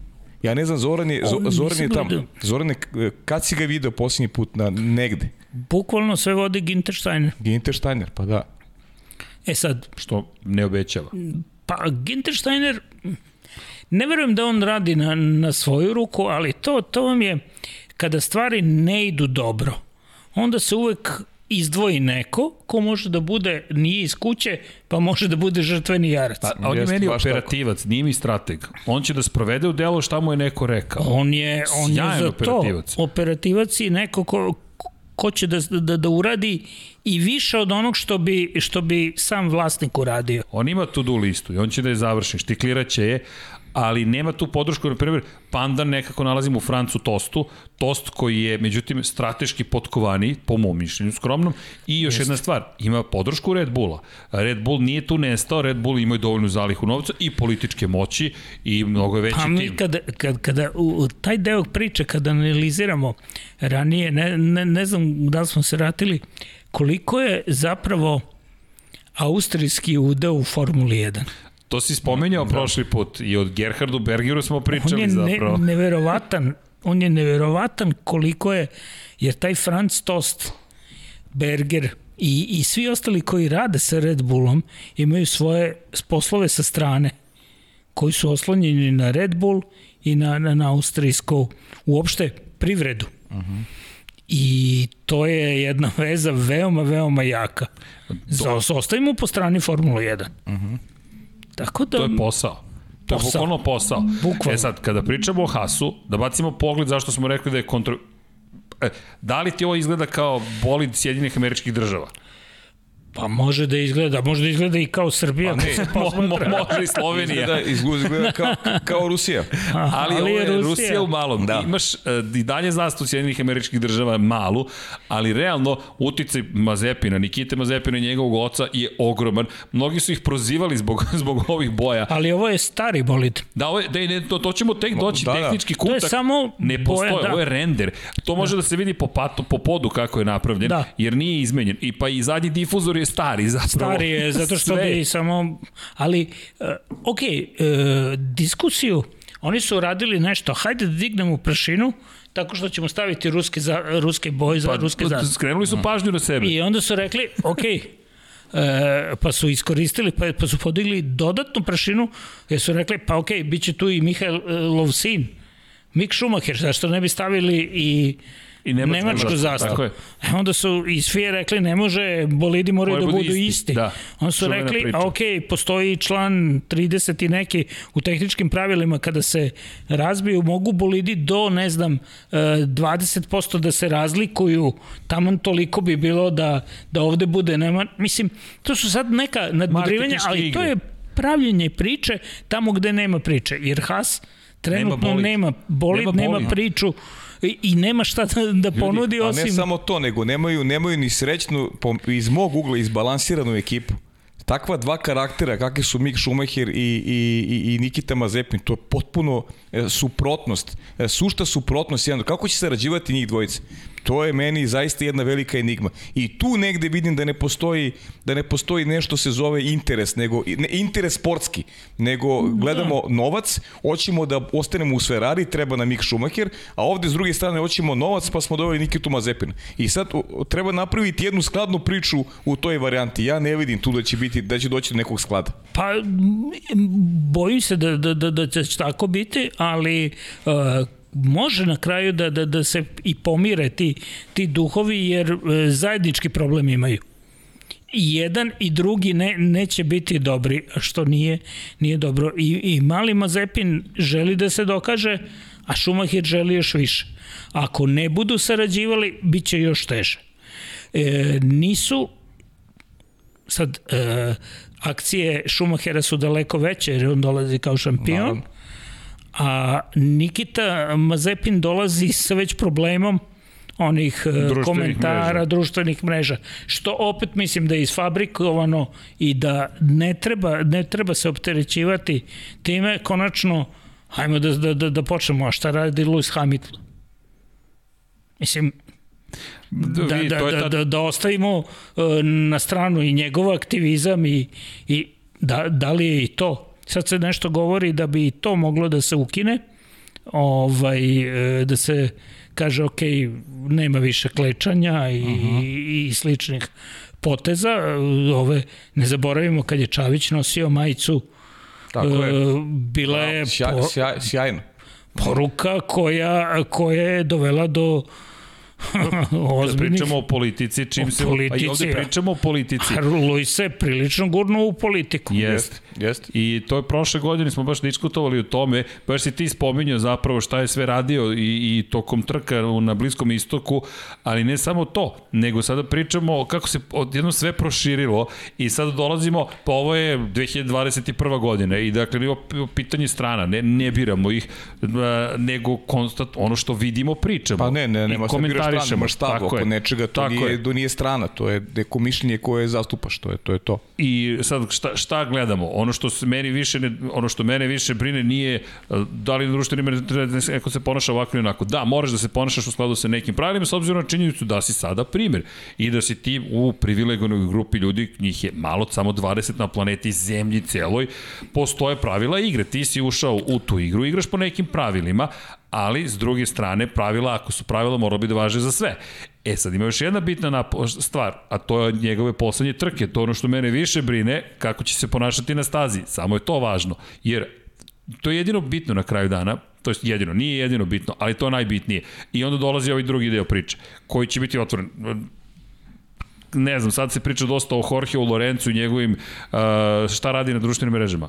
Naš ceo komentar će biti, komentarisao je kad padove neke. Ceo moj komentar na društvenim mrežama je, e, to je to. Ne, ne, neću da pričam o tome, ne zato što neću, nego zato što se tu pravi priča koja nema. Kada je reč o Nikiti Mazepinu, to je sada kombinacija i skandal koji je izazvao, i ponašanje na stazi, i činjenica da dolazi uticaj na i naravno sukob iz istoka i zapada, koji možemo da se lažemo, ali postoji. A po, takmičenje pa, postoji. To je suština, to je da. suština. I takmičenje se vraća, mi radimo i Kosmos 76 i sad gledamo e, događanja. Kina, svemirski program, Amerika, svemirski program, Rusija, svemirski program, Bliski istok, svemirski program. Sad se preselilo takmičenje takmičenje u svemir, ali nije ni otišlo skroz od planete Zemlje. Pa, ja samo uh, zastupam vrlo, vrlo jednostavno mišljenje. Uh, postoje jedne uh, neke ljudske i uh, da kažem granice koje ne smeju ni, ni u kom slučaju da se pređu. Bez obzira ko ih Super pređe, uh, znači ne može da bude u pravu i za to zaslužuje svaku osudu. I ne interesuje me ko je to? Ni nacija, Tako ni rasa, Mislim, ni religija, e, ništa. Da li, da li je sada to, ako će Haas biti u bojama ruske zastave, ja znam da to, to, to Englezima ovako je prs gurnut u oko. Ali, bože moj. sponsor. Sponsor. Uralkali. Jeste. To je to. I taj, taj isti da se, to je to. taj isti da se pojavi u nekom drugom engleskom timu i kako bi bio prihvaćen. Jeste. Znači, to je samo um, kukanje verovatno zato što, što nije kod nas. A onda bi ga branili na, na svoj način. I to, to je ta, a to je... Ali to je, e, to je sport, ne treba zaboraviti da uh, izuzev uh, Ferrarija, da kažemo uh, Alfa Romeo Zaubera, jel? i ovaj Toro Rosa, svi timovi su skoncentrisani, ovih sedam timova je tamo. Velika Britanija je glavna. A, apropo Mazepina, da, da se samo razumemo, nemate bilo ko, kao što si rekao, samo pitanje šta, šta si uradio, I to je to. Ne odakle si, ko si i kako si, već šta si uradio ili nisi uradio. Ne možeš da se ponašaš mimo nekih normalnih, pristojnih Tako je. granica da pristojan i, i, i to. A sad, da li si ovaj ili onaj, mislim, meni su, meni su te neke stvari posebno e, bila je jedna ruža, jedan ružan moment sa Hamiltonom kad je on pokušavao da se opravda ono because I'm black. Uh mhm. -huh pa je e, na vreme savjetovan da otpusti tu gas sa tim komentarima. Pa da, zato što to nije bilo e, iz konteksta izvukao situaciju. Upravo to. Onda ljudi, ljudi prosto, ako, ako pogledate e, taj, taj sport, britanski šampion koji je tamnoput, ali oni ga vole i dalje jer on je Tako Britanac, je. on uzima Tako je. Uh, zastavu i on, on je lojalan. Mislim, ne, nemamo, nemamo mi... Kraj priče. Kraj priče. Kraj, on je sir. On je sada, on je sada vitez. Da, što, mu je, vi, što mu je otac došao, dede došao sa Antila, holandski, pa dobro. Pa, idemo da, pa to je imperijalna sila, kolonizovali da. su pola sveta bili, pa, da. ali ako si imperija onda kažeš ok, svi podanici imperije, Commonwealtha su naši i to je to. I to, i to su i uradili, ali poenta jeste i ne znači da opravdavam kolonijalizam ili bilo ne, ne, ne, ne, opet, opet se vraćamo na to. Sport treba da bude prepušten sportu i koliko je moguće očišćen od politike. Naravno nije moguće to uraditi, jer živimo u takvom svetu gde sve zavisi od novca, a novac se raspodeluje u skladu sa interesima a ja, i tu... I naravno, kad već, ako već postoji neka umešanost, da ne postoje dvostruki aršini.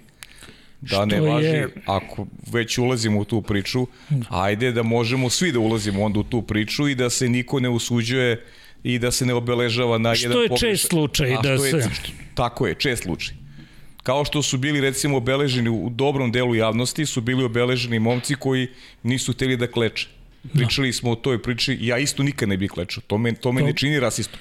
Ja nisam no, uopšte, uopšte to, Ali to, ne to nije odlika, Tako je. odlika Tako ne, je. a ja se potpuno slažem i smatram da je, da je to jedan, jedan čin nepotreban, ali treba pogledati i, i koji, su, uh, koji su to, odakle dolaze uh, ti vozači. Tako je. I sve vam je no, jasno. Dobro, to je i razlika u društvenim uređenjima i postoji tu još jedna bitna napomena. U... Stali smo kod politike. Kod ne, politike. Ali ja bi, da. se, ja bi se tu i zaustavio. Ja, ja sam to isto htio da, da, da predložim. Da, slažem se, slažem Vidi, se, da. ja mislim da je ovo... Ne, nećemo da širimo tu Pazi, temu. Pazi, kad je Ruter rekao, ej, momci, da. gde ne, ste ne, otišli? Ali dobro, to je deo Ajmo da zaključimo par stvari. Prva evo, stvar. evo Igor Marković pozdravlja, kaže čujem, čujete se u program. Kaže Nikita ne može tako da se ponaša. Dakle, mora, mora da se poštuju određene stvari, određena pravila igre i ne igre, ljudske pristojnosti, pristojnosti i osnovnog ponašanja. Druga stvar, ušao si u klub velikih momaka. E, svet se promenio, ne živimo u eri Jamesa Hunta, e, drugačije se nastupa, drugačije se stvari rade. Čak i da uradi sve što je James Hunt uradio, više to nema istu konotaciju. To je sada izlet u neko drugo, pa, neko da, drugo vreme. Ja nemam problem ni, ni Jamesa Hunta ukoliko je to kako bi ti rekao, ako tu nema neke, neke politike, ne, nema vulgarnosti. Ali to, to hoću da Razumeš, da kažem mislim, upravo. Zašto ne? Zašto ne neki James Hunt? A, a, pa, a više, Nemam ništa protiv ali Jamesa nema tog vremena više. Okay, to hoću da kažem. Slažem Sad se. kad bi se pojavio James Hunt, bio bi osuđen vrlo brzo.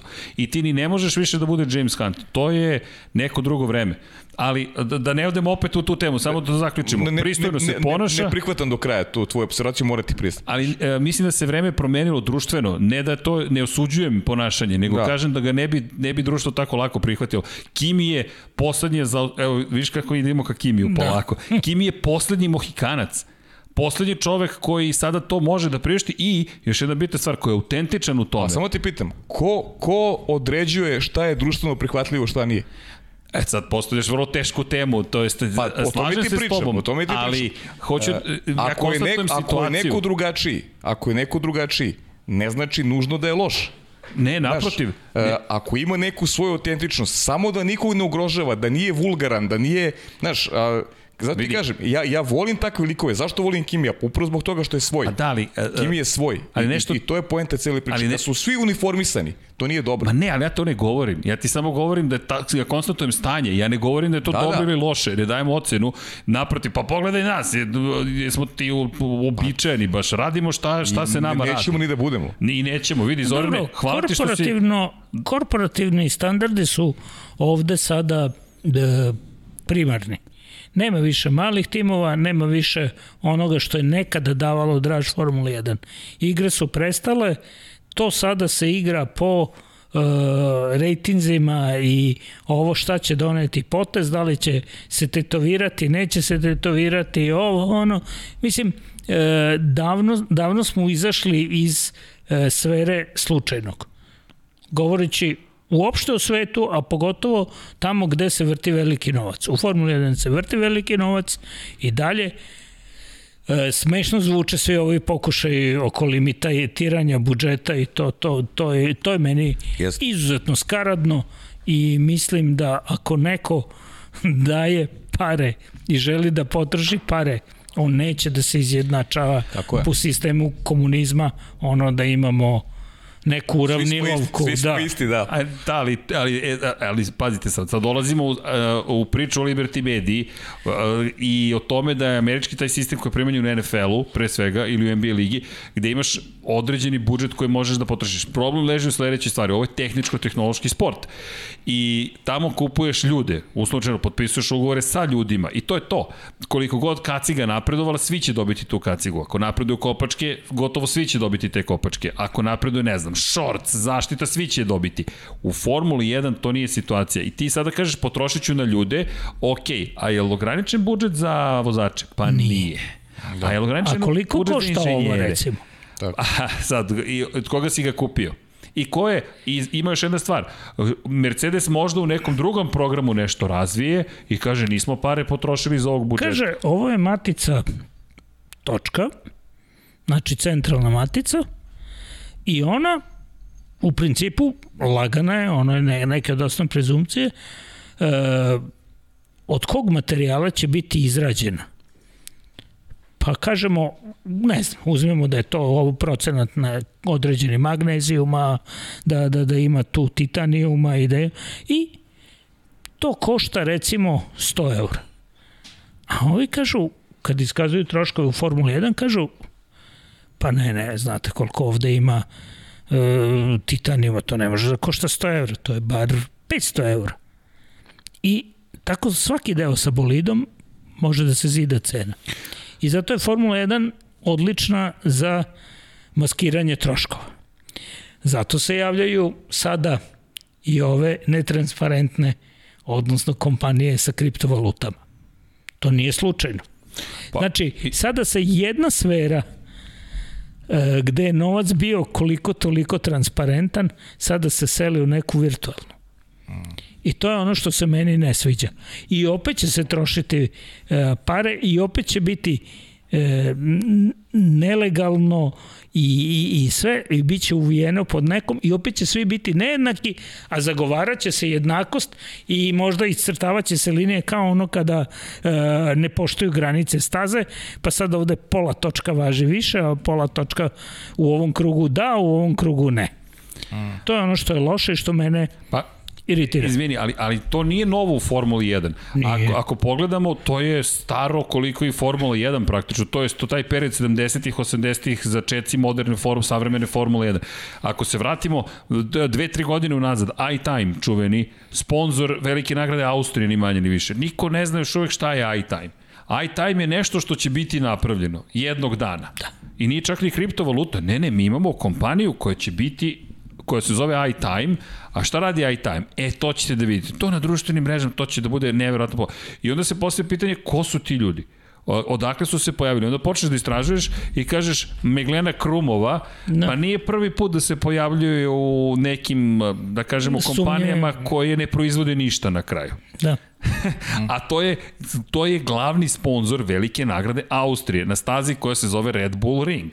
I to je sastavni deo Formule 1. Pa šta ćemo sa Energy, sa, sa, sa Rich Energy da, Dobro, da ali ne treba zaboraviti da se da, jeste, jeste. cela staza i, i celo to brdo se sada zove Spielberg. Dobro. Da a Špil je na nemačkom igra. Da, okej, okay, može I tako. sve je tu, e, i sve je da... tu oko igre, ali mm. dobro. A znate da je, izvini, Steven Spielberg poreklom odatle, to je njegova porodica, iz Spielberga. Pa, Zapravo odatle vode poreklo, to sam, Viš, nisam, to, to je, slučajno saznao, nisam, da, to, ovaj. jedino ako me neko prevario, pa sam sad ja naseo na lažnu vest, ali to ono što sam čitao, navodno vuku korene čak iz Austrije preko ne znam, ne znam ko kolena. Pa moguće. Ok. Ali ja znam da su, da. da su ti, e, da je Dietrich Matershin, kad malo digresija, kada je hteo uopšte nešto da radi, pa kada je kupio Red Bull Ring, odnosno tada A1 Ring, ring da. koji je prebio Esterreich Ring. Koji je zanimljivo u vlasnoštu Carlosa Slima. Da, e sad, kad je, kad je on to uh, otkupio, onda je uh, jedno vreme su lokalne vlasti bile u uh, E, koalicija zelenih i ne znam još nekih partija u Štajerskoj, kojima je tamo odgovaralo najviše da krave se napasaju. Uh mhm. -huh. I on je razbucao stazu, da kažem preorao i ono krenuo preuređivanje, skraćenje i u odnosu na onu staru konfiguraciju Jeste. gde je nekada bilo, a onda je sve stalo i dve godine su bili zamrznuti radovi jer su krave trebale da pasu u miru tamo, kad se promenila lokalna vlast, odjednom je sve opet krenulo. Pa vidi, krave, bikovi, da. sve to isto na kraju. Da. da. da li su obične ili bele ili crvene. Da, u svakom slučaju, da, da, li, da li dolaze sa Tajlanda ili odakle. O, dobro, je, dobro je, u svakom slučaju dobro je da je to napravio, sviđa mi se kompletno taj, taj projekat što je, e, što je urađeno i nadam se da, bi, da, da će i ta staza ostati u kalendaru. Mislim, tamo se bar publika okuplja, okuplja se prvenstveno zbog Red Bulla naravno. i Verstappena, ali naravno ima i ove svoje heroje koje tradicionalno voli da vidi. I u krajnjem slučaju i dobra staza, da budemo iskreni. Pa dobro je, malo vozači zameraju samo što imaju te dve krivine u levo. Da, pa dobro. to je to je ovako nešto što e, kratka je onako pre Dobro, trojka je, to je problematična za motore, razmišljam tu za MotoGP, pa, dobro, za da. motore je problematična. Da. To smo ali, absorbirali već tu, tu da. temu sa, Prošle sa godine se da. jasno videlo. Da. da. Ali dobro, opet je to, ljudi, to je fenomen, ta staza koliko privlači publike, što holandjana, što generalno sa ovih prostora ljudi, način na koji je uređena i ceo prilaz toj stazi i generalno sve što se tamo događa. Sve što je tamo urađeno, urađeno je planski, e, organizacija je na, na, na vrhunskom nivou i vrlo rado e, je, ako, ako negde treba otići i videti nešto, onda je to tamo. Na topla preporuka za, za sve. Ne, ne bih da skače na MotoGP, sutra ćemo se baviti da. MotoGP-em, ali samo da napomenem, Mađarska se vraća, to je dolazi u šampionat sveta MotoGP-a od 2023. ukoliko se zaista desi staza ovoga puta. Prošli put su nam javili Balaton Ring, odoreli kamen temeljac, prikazali rendere, staze nikad nije bilo i onda imamo Aragon koji je inače u Španiji, u nekadašnjem kraljevstvu Aragona, a volšebno se pojavio kao rezervna staza te godine, pošto niko nije znao da Balaton ringa neće biti. I koliko imamo sad španski staza? U... Četiri imamo po sezoni. ali slučajno to I ko je vlasnik? Pa sad, zavisi ko su vlasnici. Pa mislim šampionata. ali šampionata Dorna, naravno koja je inače madridska kompanija, ali veliko, velika, veliki deo korporacije u Barceloni. Kako god. Kako god. Ali činjenica je da, da su zanimljive te vezme da kad saopšte da Mađarska ulazi u MotoGP, ja sam uvijek skeptičan, kažem polako. Polako, čekajte da vidimo. Treko mi tu, neko da vidimo da mi tu stazu. da, to, to, to. Pa nažalost Brno je izašlo. Pa mislim... Brno je da. izašlo, da. ali Brno je dosta i pretrpelo ulaskom Spielberga zapravo u šampionat. Prepolovili pa, su im posjećenost. Dobro, ali, ali se nisu baš oni uh, ovaj E, nije samo, samo, samo to, koliko ja shvatam, Brno je izašlo zbog ovog COVID fašizma ne, sad. Ne, izašlo je, izašlo je generalno, izašlo, pa ne, posvađa, ne, ne, ne, Brno to je stara priča, nije COVID je sad konačni izgovor uh, lokalnim, regionalnim i pa, dobro, državnim ne. Da. vlastima oko toga ko će zapravo da uzme novac od trke. Jer uh, oni ne mogu da se dogovore već godinama i Carmelo Espeleta to x puta reagovao i rekao, ljudi, izgubit ćete trku, dogovorite se, oni nisu mogli da se dogovore, gradonačelnik bi jedno, vlast regiona bi drugo i republička vlast bi nešto treće nešto, i, onda... i to je tako na kraju se završilo da nije bilo para, to je ko će da plati za asfaltiranje. Da, da, da, I nije se pojavio Pedro. da, ali evo ga, gospodin Vanja Milićević koji je rekao, ali tu je ljudi, Pablo zato. ljudi, Dom Pablo, Lavaca, Kafa i Williams koji se pojavio, to je lepo videti. Williams, za razliku od Hasa, se i bavio. Potrošio je svoje tokene, jedan token je potrošio još na kraju prošle godine, potrošili su i drugi, još ne znamo na, na šta su potrošili, ali činjenice da Williams nije odustao od toga, čak i prednji kraj promenjen, imaju filozofiju Mercedesa, pričat ćemo o tome malo više, ne očekujemo da budu naravno poput Mercedesa, ali koriste Mercedesove pogonske jedinice, od naredne godine će koristiti i Mercedesov menjač, to je velika kulturološka promena za ekipu Williamsa koja je ponosni samostalni proizvođač da. dugo bila. Pa to je možda to je najveći promena, ne možda pa, nego najveća promena u odnosu na I naravno pa, Jost neko Capito, ko proizvodi za ostale ekipe. Tako je. To je ironično. jeste, jeste. I ne samo za ekipe, već i automobilsku industriju. Industriju jest. i generalno uh, Kersi i njihovi Jeste. sistemi. Njihov... Ali baš je, baš je ovako, mm, ne znam, Williams Engineering koje je pod vodstvom Patrika Heda i celog tog tog društva jeste izdvojena firma, Jest. ali je po potrebi opet deo tima i uvek priskače tu je bilo. I... E sad kad je Williams potpuno po, izašao iz vlasništva porodice Williams, očigledno da neke e, neke oprobana oprobani recepti više nisu mogli da se primenjuju. Pa ono što je, ono što je tu fascinantno, izvini, meni, jeste zapravo da Williams je razvio mehanički, mehanički sistem skladištenja energije.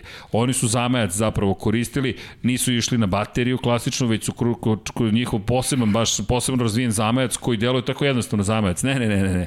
To je kinetičko skladištenje. Tako je. I oni imaju jedan fenomenalan sistem koji prodaju drugima i oni se bave vrlo ozbiljnim inženjerskim poslovima, to je jedna ozbiljna kompanija, ona se inače kotira na frankfurtskoj berzi i to je kompanija, to je Adam Par još bio razvio, razvio. A Adam Par je vodio tim da izađe zapravo na berzu, Adam Par koji je gde je pogrešio Adam Parr? Krenuo je na Bernie Eccleston. I, I više nemate Adama Para u Formuli 1. To je bilo jednostavno. Bernie kada je saznao da Adam Parr pokušava da bude njegov naslednik, a on još nije rešio da izađe iz Formule 1. Tu je bio problem. Problemčić. koji je Bernie rešio kratko i jasno. Adam Parr više nikad nije ušao u Formulu 1. Zaboravljen čovek, a pod njim zapravo su potpuno, on je preteča Tota Wolfa zapravo. Adam Parr je trebalo da bude taj novi lider. Da, ali je Toto Wolf je nečak iza Faltenbacha. E, Toto Wolf je član porodice, da, da kažemo na neki način. I, i to je to je ipak jedan drugi e, odnos. Drugi odnos. Znači e, kao što i Kristijanu Horneru neće se zameriti ništa jer evo ti Arden, idi igraj se prvo da u početak tu vežbaj pa dođe onda u Red Bull. E, tako, je, tako je i sa Toto Wolfom. E sad, što Toto Wolf e, ima dovoljno, e, da kažem, e, dovoljno je pronicljiv, pa može i tu. Kupio sam u Williamsu akcije, menadžerišem Russellu menadžerišem pa i Okona je menadžerisao oko, Okona vučem poteze tamo sa, sa, sa Botasom to je, to je, to je njegov plus. konačno on je, on je ovaj, bio i u vlasništvu je imao i u Aston Martinu, mm, jel? Je. odnosno Racing Pointu kada je bilo. Ima ga svuda. I A bio je Williams svuda, da. da. Pa je otišao u Mercedes i prodao udeo u Williamsu, pa je kupio udeo u Aston Martinu, pa dokupio udeo u Aston Martinu. Aston Martinu, tako da i sad pitanje je da li će da izađe iz, iz programa, pa će se posvetiti možda Mercedesovom nekom programu drugo. Mislim da, da neće, da je Mercedes sasvim zadovoljan sa tim kako on vodi stvari e, i, on, i on vodi na, na jedan način da kažemo blag i koji je e, koji može Mercedes sebi da dopusti u ovom trenutku da je kriza u timu, verovatno bi on bilo bi mu skresana krila. Ovako dok ide, super je. Da, ono što bih napomenuo za ovaj konkretno Williams, ovo je još jedno izdanje B verzija, FW43B, kao što je Red Bull izbacio B, M35 izbacio McLaren, Jedini koji je zapravo izbacio nov, to smo to stalno ponavljamo, a nije rebrandiranje poput Aston Martina ili Alpine, je Mercedes koji je rekao, krenuli smo od jednog, došli smo do drugog, Mercedes koji opet podigao lesticu, ali ovaj Williams, ako pogledate kako izgleda, te boje su mnogi po, kažu podsjećaju na boje stare slave, na period sa Rotmansovog sponzorstva, osvajanje titule sa to, to je, ja ne vidim tu toliko sličnost, moram Nije, da priznam. Iskreno. I navodno žuta boja, to britanski mediji kažu je omaž uh, periodu kada je Kamil bio sponsor.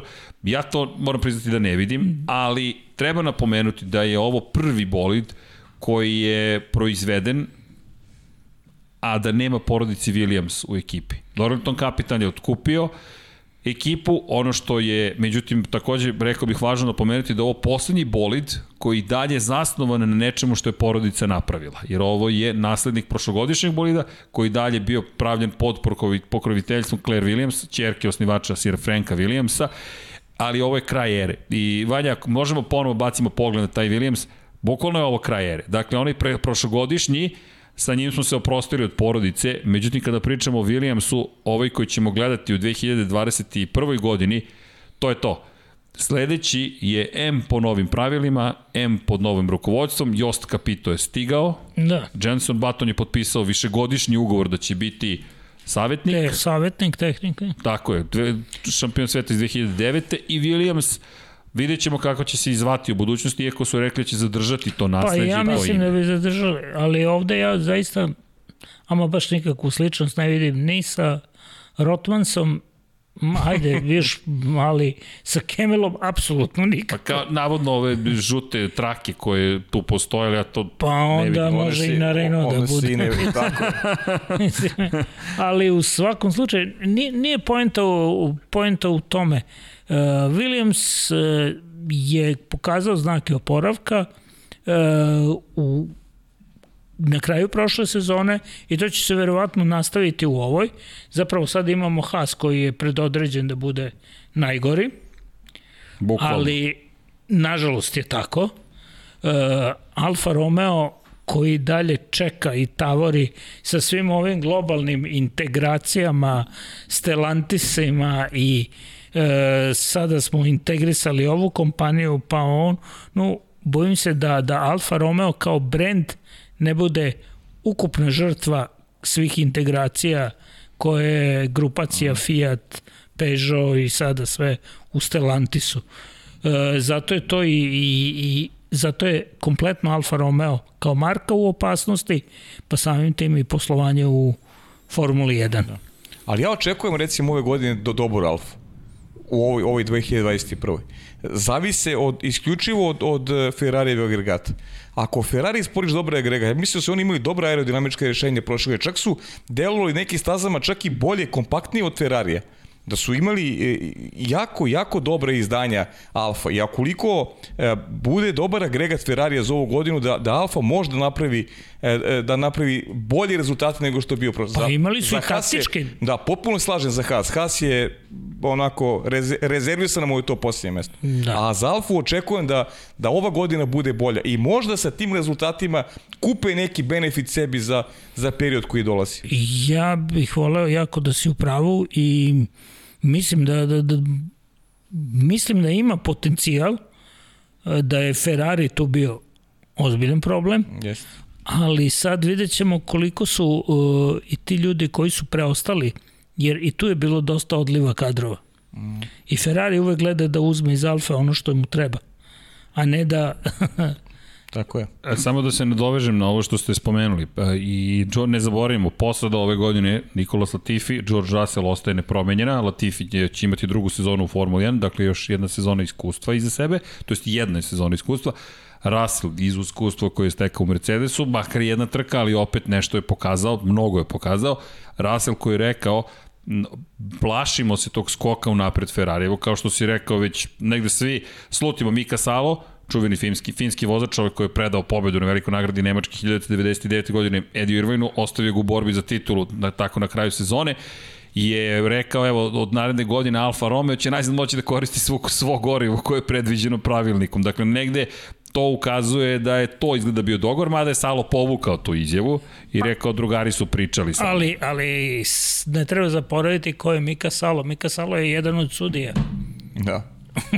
on, on bi trebalo da zna. I on jeste jako dobro On bi upućen. trebalo da zna. I on zna šta se događalo, jer uh, Formula 1 kao i uopšte sve pod FIOM i pod, u, u, uopšte da se vratimo na to je politika opet, ali kako god. Pa i u svakom e, sportu I kada se lobiranje. E, koliko će ko da, da, da lobira, koliko, sećamo se samo kakav je problem bio e, kada je jedan od vodećih ljudi FIE, koji je bio zadužen za tehnički pravilnik, e, prešao iz Renault. Pa, čovjek koji dan danas vodi jednu od glavnih reči i mi, mi, mi, to je bio ogroman problem, on zna sve o svim bolidima. Tako je. I sad, e, i zna šta se, šta se sprema za budućnost, E sad, što će od naredne godine bolidi izgledati drugačije i što će, što će to biti, problem je što pogonske jedinice neće biti drugačije. To je, to je onaj drugi faktor koji, koji mislim, Ali dobro, hajde da, da, da sad unapred ne kukamo za nečim što još ne znamo kako da, će ispasti. Sačekamo malo. Da. da sačekamo malo da se posvetimo ovom što će, što, što će krenuti uh, uskoro. To je, to je znači 20, 10 ekipa dolaze u Bahrein, trodnevni test. Nekad su testovi trajali 12 dana. Mm. Ferrari, odnosno Ferrari, Pirelli je tražio i uspeo da izdejstvuje produženje sa 26 dana testiranja guma na 29. I još se svi timovi, opet Williams je taj koji neće da, e, da testira. Odnosno neće testirati gume uopšte, što opet e, govori da, da, da ni resursi možda u Williamsu nisu toliki koliki bi, koliki bi trebali da budu, ali ajde da i to, i to ostavimo po strani. Pirelli je ostavio ogradu e, za te gume od 18 e, točkove od 18 to, inča. Točkove od 18 inča.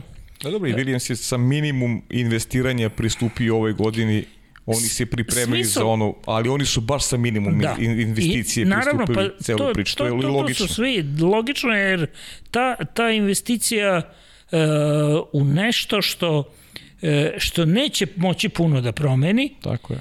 Je treba da bude samo evolucija. Mercedesu to može puno da promeni i Mercedesu i nije problem da je, da izdvoji naravno, to. Naravno. Red Bull je već mnogo prezniji u, u cele priči, a mislim da, da, da smo s, e, malo iz fokusa izgubili McLaren, uh mhm. -huh. koji može da bude zanimljiv jako. E, tim je ponovo prešao u Mercedes, u Mercedes motor. Kako će se to uklopiti u, u šasiju, to uvek ne mora da bude najsretnije rešenje, i tu je bilo mnogo, mnogo problema. Mislim da je, kad bi imali inženjere iz Toro Rosa, oni su se bar toga navikli da menjaju, da. da Svaki menjaju godin, motora, na godinu dana, da, na godinu dana. E, ali sad, sad bar nisu promenuli, ali ja. ovaj, mislim da su se oni nekako uh, sa, sa tim njihova iskustva su najveće. Ja, ne znam kako ti, Zoran, ja sam zagovornik teze da je McLaren trebao da ostane uz Renault meni iz, izgledalo kao, kao bolja opcija za njih pa, dugoročno. Da, ali pitanje je šta je Mercedes opcija. Jer ako Mercedes povuče fabrički tim, onda će taj McLaren ponovo postati McLaren I Mercedes. to je tačno, da. Ako gledamo iz te I onda će se vratiti u ove, u ove sive e, boje i, i to.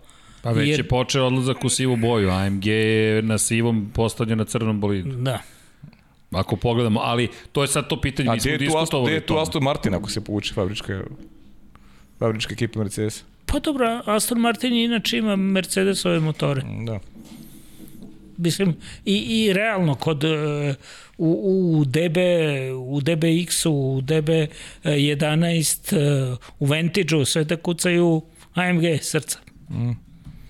Tako Rekao, da, ko će da se pozicionira kao, kao pa kao, kao ali, najbolji ali je, u Ali je tu ipak, ali je tu ipak Lens, e, odnosno Lorenz Stroll. Lorenz, da. A ovde je ovde je kod McLarena opet imamo jednu prepoznatljivu istorijsko nasledđe.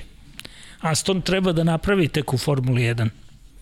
I Aston je, je kratko bio i to davno. Da. Davno da. I, i, i realno to ni, nisu neki rezultati da bi... Nekoliko trka, par sezona. Da bi, da bi to ostavilo trak. Ljudi se jedva sećaju toga. A Jest, ali... vrlo dobro se sećaju kako izgledalo nekada kada je vozili... A, ali imamo zorno pa, i drugu stranu medalje. Ni Red Bull nije imao neku istorijsko nasledđe, pa kad je došao, kad se pojavio... Ali proces. I, izdominirali su. Proces. Jeste. I to, i to je i to je tačno. Ali ljudi nije se to desilo odmah. 2005. Ne, ne. su krenuli. Okej, okay, pa to, dobro, to proces. Ali, okay. Slažem se s tom, pa. I, I ovo je neki proces kako će da se, znaš, a, a da li je to bitka da postaneš to, sledeći to, fabrički Toto, tim? Toto Wolff, Sebastian Vettel, znaš, e, cela ekipa koja se okuplja ko Aston Martina možda i ne idu u prilog onome što su neke težnje McLarena. I znaš šta mi pada na pamet? Čekaj, odakle je stigao Andrej Zajdl?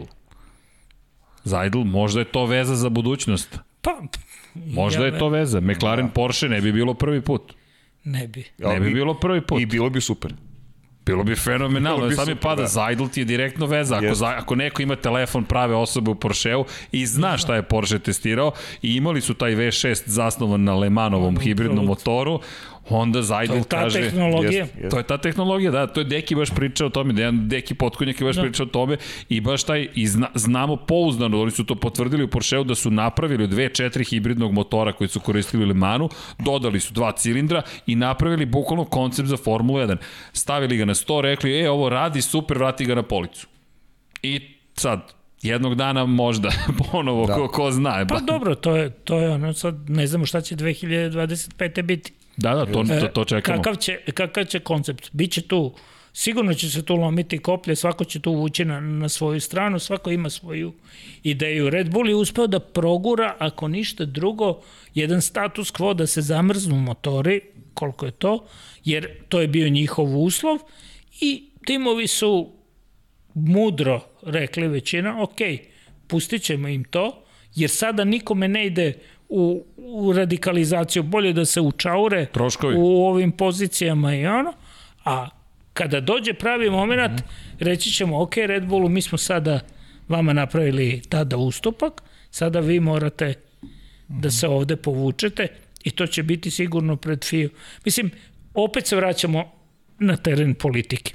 Dobro, to je, ali to je to sportska je, politika, nije sportska, klasična. Da, da, to da. se u svim sportovima vidi. E, lobirali smo ove godine za ovo, pa smo lobirali za ovo, imaš u ovom savezu o košarkaškom ovu, u, ne znam, vaterpolom, u futbolskom ovog, ovde je moćnije ova struja, ovo je ovde moćnije, u motociklizmu znamo, Španija, Italija igraće uvek glavnu reč, ponekad se pojave Amerikanci, Australijanci, eh, nemaju neku moć, ali imaju dobre vozače s vremena na vreme i tako u krug. Ko to može da promeni, eventualno može Azija, zašto? Opet proizvođači iz Japana pre svega i ogromno tržište, ali eto kažem kako mogu da se ovde, stvari menjaju. Ovde, ovde je Honda stravično podbacila. Da, ovde je Honda podbacila. I ono su bile izgubljene godine u McLarenu, M su doveli McLarenu problem, pocenili su Formulu 1 e, i da budemo do kraja iskreni, Honda kada je dominirala, sad možda će to uvrediti nekoga, ali prosto je tako. Honda je dominirala onda kada je bila sama sebi konkurent. Ba, i, ima, ali to cela ta priča je i specifičan period. I e, razvoja motora i još jedna stvar, Honda je prvo s Williamsom sve to razvijali, ne samo s Williamsom. I onda se I onda se, se prebacila Tako je, i s McLarenom rekla, ok, kao što se sada desilo, kao što se sada desilo, izvinjam se samo da ovde mhm. nešto ja van kadra namestim, ali da, eto, da. hvala. Dakle, šta se desilo? Desilo se to da zapravo Honda tada dobije sve na gotovo, to jest McLaren, E, sad je Red Bull bio taj koji je rekao, ok, preživjeli ste dečije bolesti, samo što niko osim Paje nije najavio da će Honda da se, bakar ja ne znam da iko najavio da će da se povuče Honda, ali činjenica to se na kraju desilo. No, sad status quo, pa čekamo, pa idemo dalje, ali i nova pravila stižu, međutim, malo pre ste mi baš napravili lep šlagvort i uvod za tehnički kutak. A inače, Aston Martin mi volimo da spomenjamo iz tih ranih godina zbog, samo zbog Shelby-a i, i, i čoveka koji je to, napravio Shelby Cobru i to je to. Da. Ali, vidim, o, Vanja, gde smo sad ovo otišli?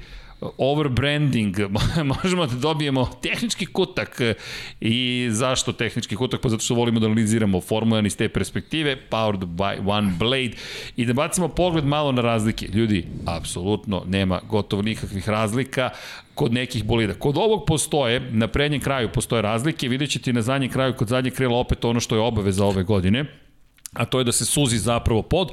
Ima tu još nekih delikatnih izmjena, proreza više nema koji sprovode vazduh ispod poda, dakle to je, sma, to je promenjeno. Odnosno u, u onom delu koje je 5, 50 mm od centralne ose može da bude znači e, visećih elemenata na difuzoru. Tako je. Ali ne, to su viseći delovi na difuzoru. Na samom podu, na gornjem delu, da. nema više klasičnih proreza i dalje postoje površine vertikalne koje usmeravaju vazduh, ali su prorezi promenjeni i za razliku od onoga što smo gledali prošle godine, sada ih nema i kraći su uvodnice vazduha za yes. zadnje kočnice. Da, za zadnje kočnice, što će opet uticati na ponašanje zadnjeg kraja bolida. Bolidi bi trebalo da budu sporiji i prinjanjanje bi trebalo da bude dosta 10% manje. manje u odnosu na prethodnu sezonu. A bili su moćni bolidi prošle godine po tom pitanju. Naj... Sad ne znamo šta će sa gumama biti konačno. zagrevanje, pregrevanje, nedovoljno zagrevanje, to je ta sad igranka i zašto čekamo predsezonska testiranja koji, koji će trati, kao što si rekao, samo 3 dana i onda trka nam je već 28. marta. Ovo inače sa leve strane F43, F43B. Sa desne strane, možete i po bojama, uzeli smo baš sa lansiranja Rokit je tada još bio sponsor, to je pre nego što je došlo do razlaza prvo sa Rokitom, da. a potom i prodaje samog tima. Dobro, ugao baš nije, na, nije najsličniji, identičan, da. da, identičan, ali da se naslutiti, to su te linije. Naravno, svaka ekipa ima ponekad odstupanje u prednjem e, spoileru, tu, tu naravno tu postoje su, modifikacije, jeste, ali tokom sezone čak. Sezone se to, to razvija i to nije ništa novo. Više vuče ka, ka Mercedesu. Kod Aston Martina smo se ozbiljno pozabavili šta je sve Aston Martin promenio, ali možemo da idemo dalje, Vanja, da bacimo pogled mi na, na, na, na druge delove pogled prosto na više na promene sponzorstva praktično, mada prednji kraj drugačije izgleda. I možete vidjeti uticaj Mercedesa ako obratite pažnju na centralni krak zapravo prednjeg krila koji je koji je Ajmo ovako. Sada šire ide. Da, imamo dve stvari. I kada je reč o Mercedesu, u, na centralnom delu je više ono što je Mercedes radio. Kada je reč o samim zakrilcima, kao da su više vukli ka onome što je Ferrari radio, što je vrlo interesantno, jer su više ta kril, zakrilca zapravo u centralnom delu u odnosu na spoljne krajeve koji idu ka graničnoj ploči. Tako da Williams nije nužno sedeo skrštenih ruku. Da, ali je, izvini sad da samo da. prekidem, E, meni ovo nije toliko samo koncept e, Mercedesa. Nije, nije. E, jer pre, e, sam nos bolida je potpuno drugačiji. Sam nose cone Jeste. E, je potpuno drugačiji. I tu imamo uh, Mercedes ima onaj strelast oblik koji... Kod Aston Martina ćemo to baš da vidimo. Isto i izrazit kod, kod Aston Martina. Ovde imamo jedan deo koji, koncepta koji nju i forsira. S tim što nju i forsira i još viši zadnji deo bolida. Jeste, rake čuveni. Da. I onda tu, uh, tu se stvara, uh, tu se stvara, uh, ostavlja onaj deo za ground efekat, odnosno aerodinamičkog potiska i prijanjanja, jer Red Bull po pravilu nekako i mekše trimuju, pa od da proizilaze i one varnice i, i ono. Pa, to je, to, to su, to su sad neke tehnikale, to publika ne može da vidi i možda u samom možda prenosu u teže. teže da vidi, ali to, to šta rade e, timovi i koliko su te, ti eksperimenti, koliko mogu da donesu ili odnesu, to je teško dočarati u, u ovom trenutku, pogotovo kada imam, nemamo konačne slike. Ovo je nešto što... Ovo su samo... prve fotografije. Mi sada još uvek ne ulazimo da. u dublje analize zato što još nisu izašli na stasu. Ali gledamo kako su se koncepti menjali. Ono što je nama ovde bitno jeste da razumemo ko je eventualno šta učinio i u kom smeru se pomerio, prosto, ne, ono što smo rekli, ovo je tehnički sport i ovaj tehnički kutak smo namerno planski uveli. Ove godine, ironija je pomalo da je prva godina da baš imamo malo promjena. Bez obzira na izmenu u pravilniku, čak i McLaren koji je promeni, jedini promenio pogonsku jedinicu, nema tako velikih izmena. Mada ćemo videti kasnije i Vanja, ako možemo da bacimo pogled na Aston Martin pre nego što gledamo Haas ili Williams, oni su potpuno postali relevantni praktično u celoj ovoj priči Znači, Aston Martin s druge strane, e ovo je već Ovo su već sada ozbiljnije malo stvari. Sa leve strane RP20, kako je predstavljen prošle godine, tako je predstavljen, ali smo videli prvo izdanje koje je zapravo bilo kasnije predstavljeno. I zašto smo iskoristili ove fotografije? Sa leve strane pogledate bolit, pa nije to bolit koji smo videli u sezoni. Nije. Le, I vidite u pozadini lepo jezero, sve prezentacije divna. Na kraju dobijete bolit koji je drugačiji. Ove godine Aston Martin ništa gotovo nije krio. Ajde da se prebacimo dalje.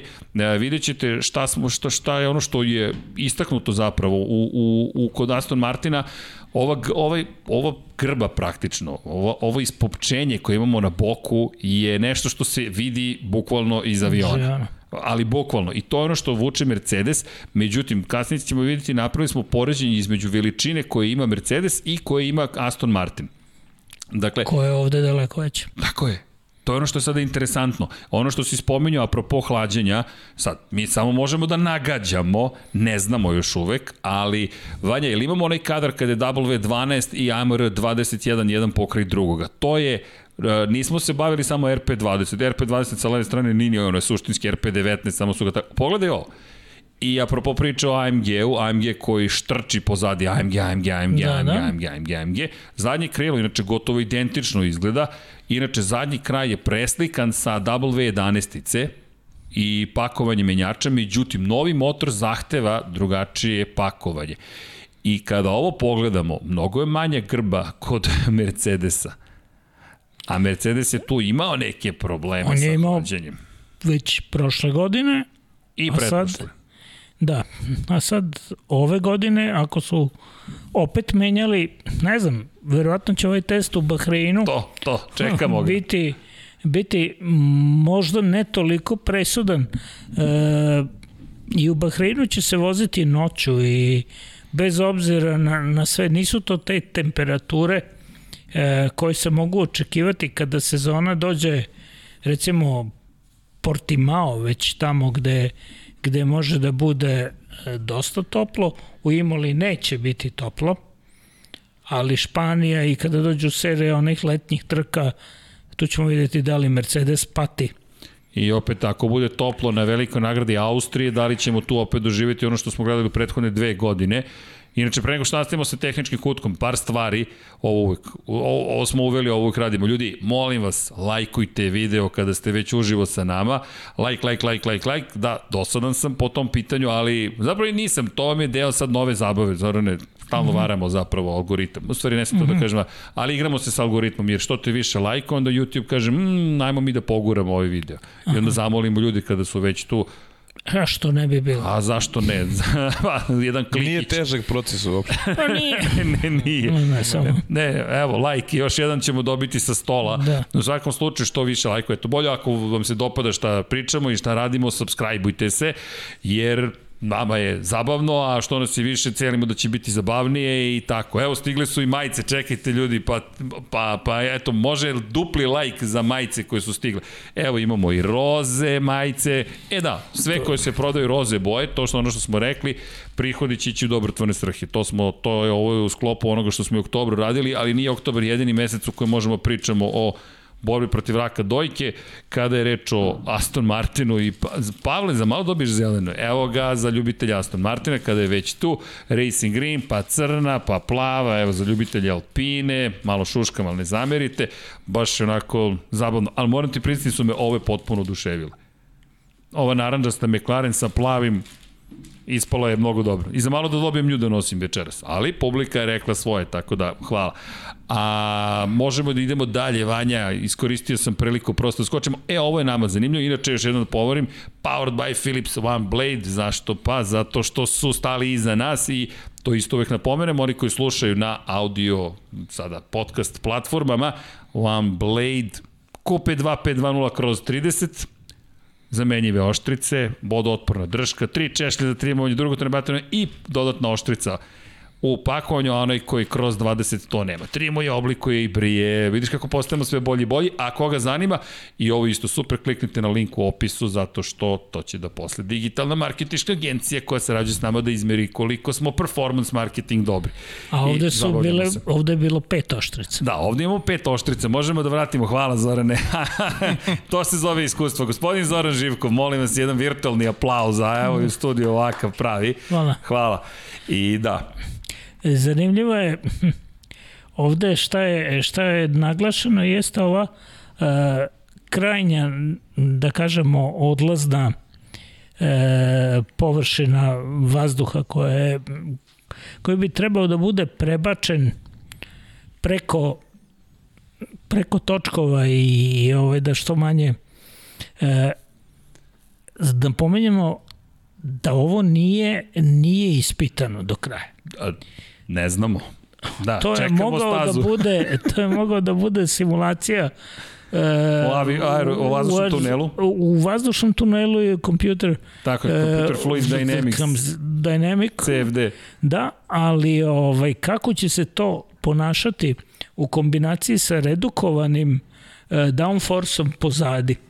odnosno na praćenju bolida, uh, verujem da će se ovakve, ovakve stvari ovo je sada e, verovatno bilo nešto što je naj, najlakše bilo e, napraviti u ovom trenutku a sigurno će modifikacija biti, jer kad dođe do praćenja bolida, e, ne znam koliko će ovaj, pa. ovaj proj, e, je bio i dosta napušten u toku sezone prošle. Da, Vanja, ako nam baciš porovo, molim te kadar sa prednje strane, sa prednje strane imamo zapravo ne samo ovo, mislim da postoji još jedan kadar, ali makar smo ga pripremali, e to je ovo. Kada pogledaš da još pre dve godine kako je izgledalo, pa onda progresija koja je išla prošle sezone, pa onda ovo što smo dobili ove godine, dosta ozbiljan napredak, ali ovo što si lepo rekao, kakva će korelacija biti sa zadnjim krajem, kako će biti korelacija između computational fluid dynamics, softvera, avio tunela onoga što će na kraju da se desi, nemamo predstavu i ono što je najlepše od svega, jedva čekamo za to testiranja. No, idemo mi dalje. Aston Martin O, ovo je nam je zanimljivo. RP20 je zaista sada sa leve strane. Izvini, nešto si krenuo ne, ne, ne. da kažeš... Krenuo sam, ali sačekat ću kada, kada dođe trenutak za to, jer, jer ovo je sada treba... Znači, šta govori? Ovo govori da su hladnjaci postavljeni pod mnogo strmim uglom. Da, mnogo strmi ugao. I pogledaj koliko su promenili zapravo načine koji će se vazduh zapravo spuštati na zadnji kraj. I odustali su od tog nekog tobogana, sistem, principa da. tobogana koji su imali krajem prošle godine. Pa sad, to, to je opet, kažem, jedno su, jedno su... Manji hladnjaci, sad to je meni zanimljivo. Ovo su suštinski manji hladnjaci. Jer ovo su otvori za hladnjake sa, sa da. bokova. U, u vazduh za motor ulazi samo kroz centralni gornji, gornji da. tako je deo. Sa strane su zapravo interkuleri. I sada su ih skratili, oborili su ugao, to jest oštri ugao. Oštri ugao. I to je ono što nam je zanimljivo, pri čemu to spuštanje na, na, na veće površina pritom na, na podu samo.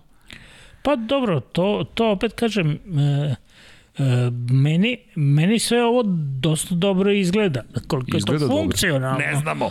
To, to je sada pitanje. Ne znamo. Ali idemo dalje, kažu ovde da, da je Paja nestao, ne voli tehnički kutak. Da. Kaže, ne, ne, ne prati Juventus trenutno, pa mu to smeta. Dobro. Ne prati no ništa. comment. Ne prati Ali, ništa. Idemo dalje. Ovo je samo pogled malo, prosto da, da iskoristimo lepotu AMR-a. Meni se zaista da. dopada kako izgleda boli. Delo da, pa već smo, već smo to konstatovali. Ja sam htio da kažem jednu drugu stvar. Da. Prošle godine je McLaren napravio najveću promenu u odnosu na prednji spoiler. I kompletno je promenjen u pola sezone.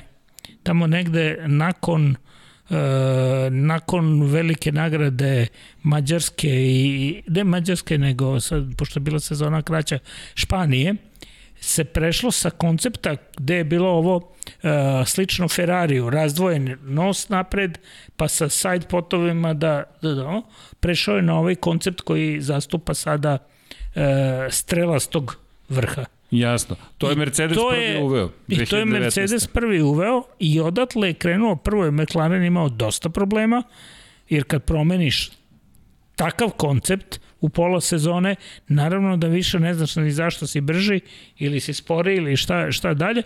Malo su lutali, ali su se nekako pronašli na kraju. I čuveno šta si sve promenio i da li si previše stvari menjao u isto vreme. No, idemo mi dalje, zašto? Da ne zaboravimo, krenuo smo mi od Kimija, pa skoči smo na vesti, pa skoči smo na politiku, Kimija, da. pa smo imali da. prekid u prenosu, pa, pa smo treba i kutak. Malo, da. A treba i Kimija da spomenemo, i Botasa, već je prošlo 11 sati, bit će ovo noćno druženje. Vanja, možemo dalje da idemo, šta smo nam još pripremili, pa ovde nema apsolutno nikakve ništa. razlike. Zove se VF20, zove se VF21, boje su nove, novi je sponsor i novi su vozači, zajedno sa njima i brojevi. Umesto 28 imate 9 i 47 i manje više, to je to bukvalno ljudi, ovo sa desne strane je render prošlogodišnjeg bolida samo sa novim sponsorima i mi smo morali da ih ubacimo u celu ovu priču. Zašto? Pa prosto zato što je to novi bolid ekipe Haas, koja čak nije ni upotrebila tokene za razvoj i rekla nemamo nameru da trošimo novac uopšte za to. Sada je cilj samo da naši vozači iskuse i osete Formulu 1 i to je to. Ali pojavili su se, pa eto da ispoštujemo ovo, ono što je zabavno bilo, naše kolege iz Velike Britanije su prokomentarisali, pa da li je ovo legalni bolid, kako će se ovakav pojaviti na stazi? Ne, ne bi bio legalan ukoliko bi se pojavili, neće se takav pojaviti, ne znamo kakav će se pojaviti. Problem čekaju što motor. i oni ne znaju. Da, če, če, čekaju u svakom slučaju motor. Ok, sa tim kadrom ja bih da. rekao da smo završili ovaj deo priče i tehnički kutak i da se vratimo na koga na Kimija Rajkona.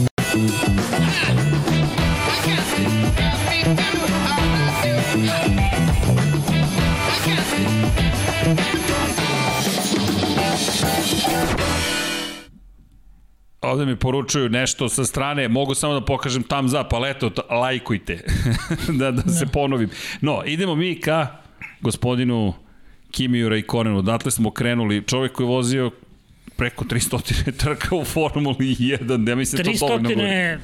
Ne znam tačan broj na Tako, mislim da je, ta, to bi sad trebalo. Ono da startova, koliko je, pojavio se na, na više ili nešto. Da. E, u svakom slučaju, sad tu je, tu je sad mrtva trka, jer postoji opasnost da ga Alonso ugrozi. Pa dobro, to je sad bitka između da. njih dvojice. dvojice. Ove, ovaj, u svakom slučaju, on je uh, priča za sebe i neponovljivo je u tom nekom segmentu da, da kažemo njegovih dosetke i šta je sve način na koji radi sa, sa inženjerima možda nije e, naj, najbolji za, nje, za njih i ponekad i za njega samog.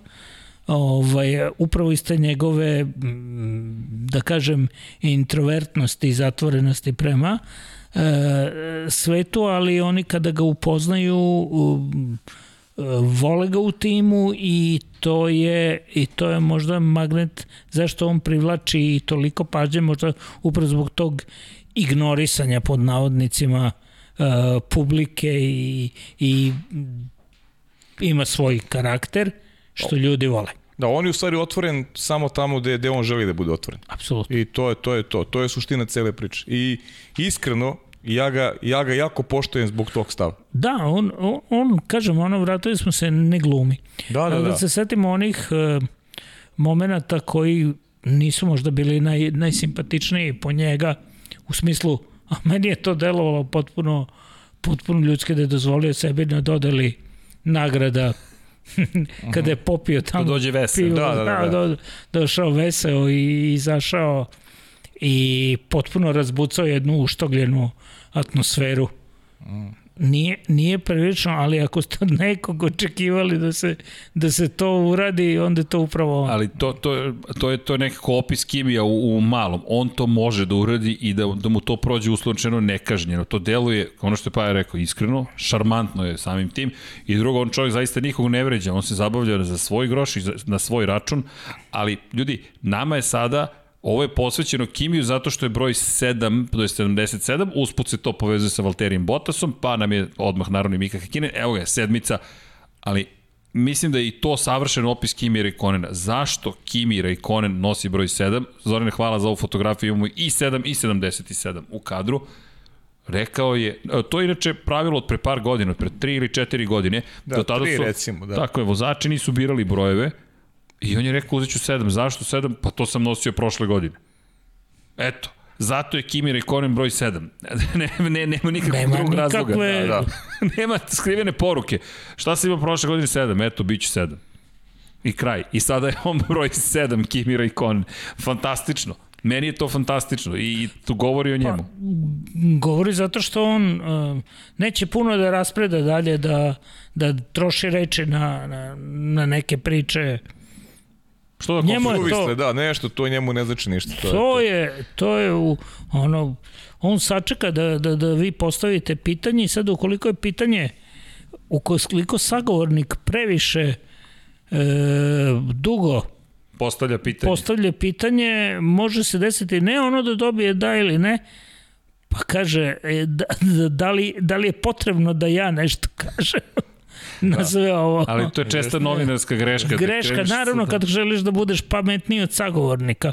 Da. Ali on je, on je baš specifičan sagovornik. I hteo sam da kažem, jako velika promena se videla u odnosu na Kimi Rajkonena koji je otišao iz Formule 1, kada je otišao u reli, zapravo kada je, da kažem, najuren iz, da bi se napravilo mesto za, za Alonso. I e, kada je, e, kada je e, se vratio u Lotus, e, koliko je tada sazreo kao čovek i kao vozač.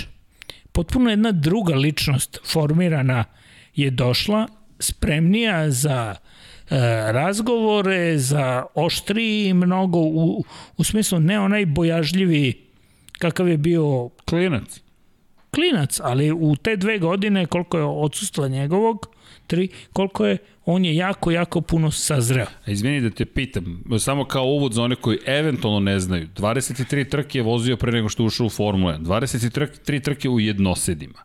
Njegova cela karijera pre toga je svedena na dve sezone takmičenja, 1999. i 2000. godine i odmah dobije sedište u Zauberu. Da ne zaboravimo Red Bull Zauber, Petronas. Da. Ekipa, čisto da spojimo sve da, da. sponzore, da Petronas nije od juče tu i da Red Bull nije slučajno napravio svoju ekipu i Kimi Rekonen dobija šansu. Kada si ga ti upoznao? Kada si ga prvi put intervjuisao? To je meni zanimljivo. Upravo, upravo tada kad je bio uh, tamo 2000. 2001. kad, je, kad se pojavio u, u Zauberu.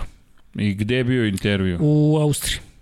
Šta si ga pitao? Šta se sećaš? Šta ste pa ne, pričali? Ne, ne, sad, sećam se da je, da je bilo nešto... Uh,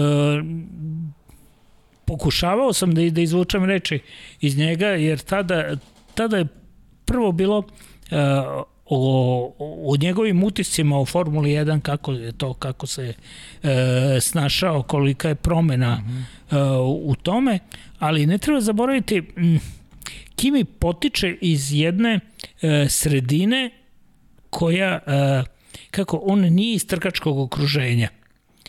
On nije neko ko je rastao na trkama. On nije iz imućne porodice. On nema taj trkački pedigre. I zato mi je bio interesantan. Međutim, e, prerano on nije bio spreman da o tome govori, pogotovo o tim, o tim segmentima. On tada ima 21 godinu. 21 godinu, ne samo, ne samo zbog toga, e, nego verovatno možda zato što i nije imao oblikovanu ličnost samo do kraja, a i nije imao i priču za okruženu. Da, on je nije za razliku od, ne znam, Nika Rosberga koji je rastao u tom miljevu. U, ono, mogao da kaže bilo koju od očevih rečenica, kim to nije mogao.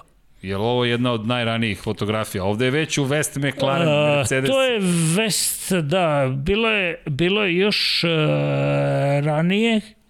Tu je već i, i krenule su i tetovaže i ovako. I, i tu je... Uh, Bunt.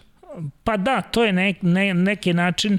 Uh, ima verovatno još jedna ranija gde, gde prve godine kada je došao u, u McLaren, tada je tada je bio ono što kaže potpuno neupotrebljiv još uvek kao sagovornik. Ovde je e, se otvarao polako i, i prihvatao je razgovor. Naravno, e, što ste e, što su pitanja, e, da kažem, bila e, suvislije ili njemu zanimljivije u smislu tehničkih e, karakteristika, ono što, što bi e, i što je otvaralo e, mu mogućnost da, da, da polemiše, e, to mu je bilo interesantnije. Ovo je jedna od e, pobeda, mislim da je bilo, da je bilo u e, ne znam da li je, da li je to e, Monca ili, ali u svakom slučaju e, e jedan od triumfa ili je ne, Ne mogu sada više da se setim. Živi, ko je slučaju... mladi gospodin sa desne strane? kako, su, kako smo se pa, promenili kroz godine. Da, malo, da sad gledam. malo seda kosa. Ali da, Kimira i Konin kao klinac, ali tu, tu, tu, redovno si pričao sa njim praktično. Ti imaš uvid od početka njegove karijere do dana današnjeg. I da, u tu je, e, tu je bilo neposredno posle e, ona prethodna je bila zapravo e, kada je u Nürburgringu imao problem e, kada se nisu menjale gume. Kad je oštetio gumu e, i pojavio se flat spot, vibracije, vibracije u poslednjem e, krugu na Nürburgringu. Velika nagrada Evrope. Iz, velika nagrada Evrope. To je 2003. godine kada je bio vice šampion. izletao, da. To je, to je jedna da. od čuvenih trka. I onda, onda je rekao, kaže, a zašto, zašto, mislim, bilo je dozvoljeno stanja, kaže, ja sam trkač, ja moram da se prelagodim i e, radim u onim uslovima ono, ono što je moj posao. I radim ga najbolje što je. Nije, nije ovaj izmišljao. Greška je bila moja, uh mhm. -huh Ili je to bio, ali čekaj, ja grešim, ali znam da je odustao na velikoj nagradi Evrope 2003. Ali ne znam da nije zbog gume bilo, ne, to je druga trka, to je motor bio. Ne, lom, lom oslanjanja je bio kad je poskakivalo, ono se, svi su se pitali samo kad će se, kad će se desiti u prvoj krivini je prošao, prošao napred. Mislim da sam tu negde, e, čak i postoji, postoji snimak, e, e, slikar moment taj Ne, on je u, na Nürburgringu je, ne, ovo je bilo u Hockenheimu, a na Nürburgringu je imao problem s motorom, a Hockenheim je bar 2003. Ne znam, ne, ne mogu da se setim, Davno nije, nije, nije, nije ni bitno.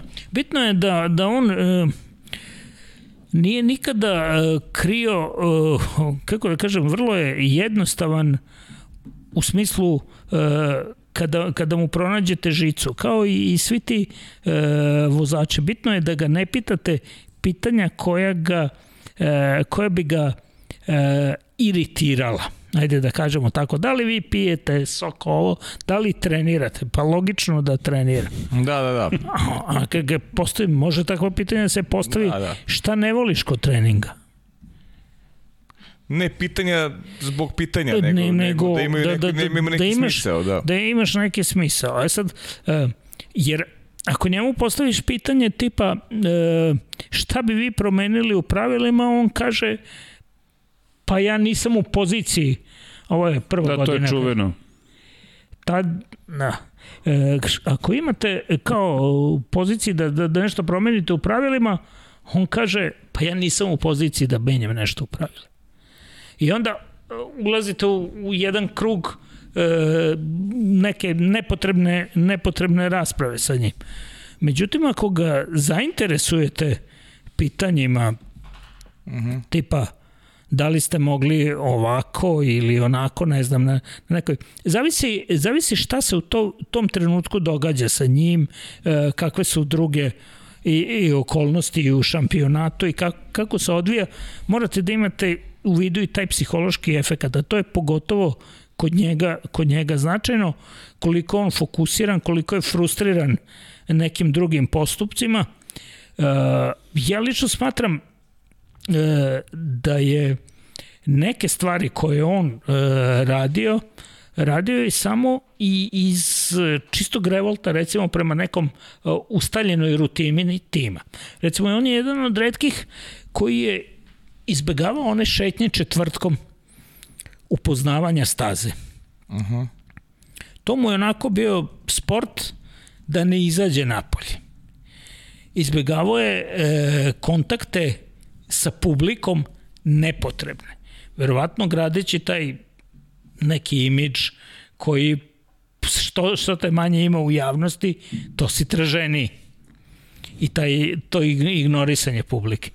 E sad, e, par puta mu se to nepoznavanje staze e, osvetilo. Ja se sećam onaj primjer iz Brazila, ako se sećate, kad je mm, promašio, pa izašao na kapiju, pa je krenuo veznom u stazom. U još dok je bio. Da, jest, pa je krenuo pa veznom da stazom, zatvorene. da je zatvorena kapija tamo. Je.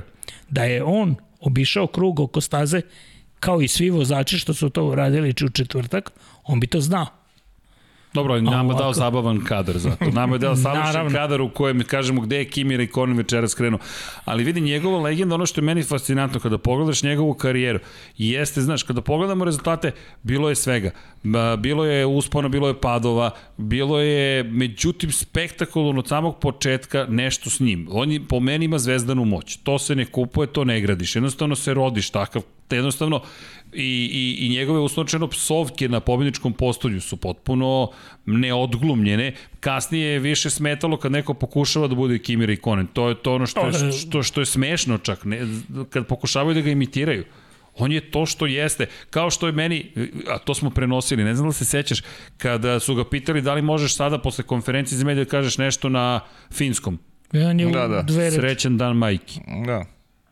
I to je to. Je to. I, I sad počinje smeh i on shva, i, i tek kad su počeli da se smeju, on se čak nasmeo, ali nema šta više da kažem. Ljudi, sve sam rekao.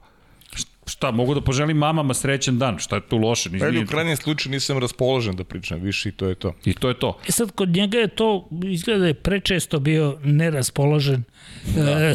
za, za priču. Ne, neotvoren, da. I onda, za, za onda to stvori i krivu atmosferu kod novinara i neki put se jako insistira na nekim detaljima, što kod njega e, dovede do kontraefekta, onda se tek začauri. Pa navodiš i, ga da bude pajac, da, da te zabavlja a on, nekoga. A on neće. Zašto bi? Prosto Pokolo kaže, zašto bi? Nije, nije posao mu to. A meni je fascinantno njegova karijera, kada je stigao u Formulu 1, odmah je oduševio. Dakle, mi govorimo o nekome ko odmah oduševio. Mi kažemo, čekaj, ovaj Kimir i Konen, ovde nešto postoji. Prvo kontroverza, cijela priča o tome, da li je previše mlad, nije previše mlad, da li treba da dobije super licencu, ne treba da dobije super licencu. Prva trka u karijeri, Australija, šesta pozicija. On čovjek osvaja poene u prvoj trci se pri čemu tada nije vodećih 10 osvajalo poene. Tada su je vodećih 6 osvajalo poene. Tada osvojiti poen u Formula 1 je bilo još teže. Bukvalno još teže. I, I to se slavilo još više. I sada se slavi osvojen poen. Evo, Williams nije osvojio ni jedan prošle godine. Naravno. Kimi dolazi u, u, u Zauberu i kaže, ok, ja ću ovde da, ja, ni, ništa ni nije rekao, on je samo rekao ja ću da budem brz koliko mogu da budem brz. I u Melbourne Parku šesta pozicija, jedan od, ne, od boljih rezultata. Pri čemu Zauber te godine je zvanično ima Petronasove motore, to se tako zapravo zvalo. zvalo. I, i, i ljudi su došli, ceo taj sistem, priča o Protonu, priča o Petronasovom učešću, o saradnji sa Zauberom je nešto što je delić istorije Formule 1. O samu Goto je bio čovek koji je stajao iza tog motora. Projekta, da. Jeste, iza celog projekta i u svemu tome je Kimi uspeo da zabeleži uspeh. Me, i, I to nešto govori. Kad ti dovedeš klinca, ima 20 trke, on odmah osvoji poene, bio je par puta i četvrti te sezone. Malo nije došao do pobjedničkog postolja. I onda McLaren koji vrlo brzo menja pesmu i kaže čekajte. Ovde ima nešto. Ima nešto ajmo mi da sklopimo jedan drugi tim. E, tako da, kada govorimo o Kimiju, a možemo da kažemo da je to početak njegove saradnje sa Ferrarijem de facto, jer su ti motori nastali iz Ferrarija. Ne kažem baš da je početak saradnje s Ferrarijem, ali da ne zaboravimo da je Ferrari tu imao svoj uticaj, mada je gotovo sarađivao i sa Hondom i dođemo do toga da Kimi Raikkonen odjednom neka nova mlada zvezda, 2002. godine West McLaren Mercedes je jedan od najpoželjnijih timova i jer ne zaboravimo nasledđe, moramo da se dotaknemo. Inače, Finci nemaju mnogo šampiona sveta. Nemaju mnogo. Mi imamo Kekea Rosberga, koji je svoju jednu titulu. Jednu titulu i Mika dve. I Mika dve. Do, do tog trenutka, koliko god mi pričalo o letećim Fincima, realno Mika ima najviše titula od, od svih Finaca. Da što mene zanima, Zorane, e, pošto znamo svi o Kimiju, šta je uradio, šta je napravio, taj neki lični, tvoj utisak vezan za, za te neke intervjue koje si imao, da li je e, ili steko poverenje u tebi? I si osetio to s vremenom da, da ima poverenje da ti možda kaže i neke stvari koje nećeš da zapišeš i da, da objaviš, ali da ti onako poverenje ispriča nešto što, e, što ne, ne treba podeliš s nama, nego da li je steko poverenje u Zorana Živkova kao osobu i da može sa njim da popije kafu i da mu ispriča nešto, neki detalj na stazi koji možda nisi video, nešto što je iz njegovog života interesantno. E, ta vrsta, taj deo njegovog karaktera, ličnosti koji bi mogu da nam približiš eto kroz, kroz, kroz neku, ne, neku priču. On ima e, poverenje u ovom poslu ključno. Uh -huh. A to je da ćete u određenom trenutku prečutati neke stvari koje vam dođu, dođu ili činjenice dođu pod roku. Uh -huh. e, kad smo se sreli ono jednom prilikom u Budimpešte što kaže aj, u situaciji koja nije baš povoljna po njega, jel? Uh -huh. ovaj, nakon toga se lagano promenio odnos. A mislim, kažem, tu je doprineo dosta i Miodrag Kotur koji je e, objasnio da to neće nigde otići, da to, da, da to nije i onda on pričao, pričao o svom e, životu, o tome šta, šta želi, šta voli da radi, e, koje, koja mu je vizija.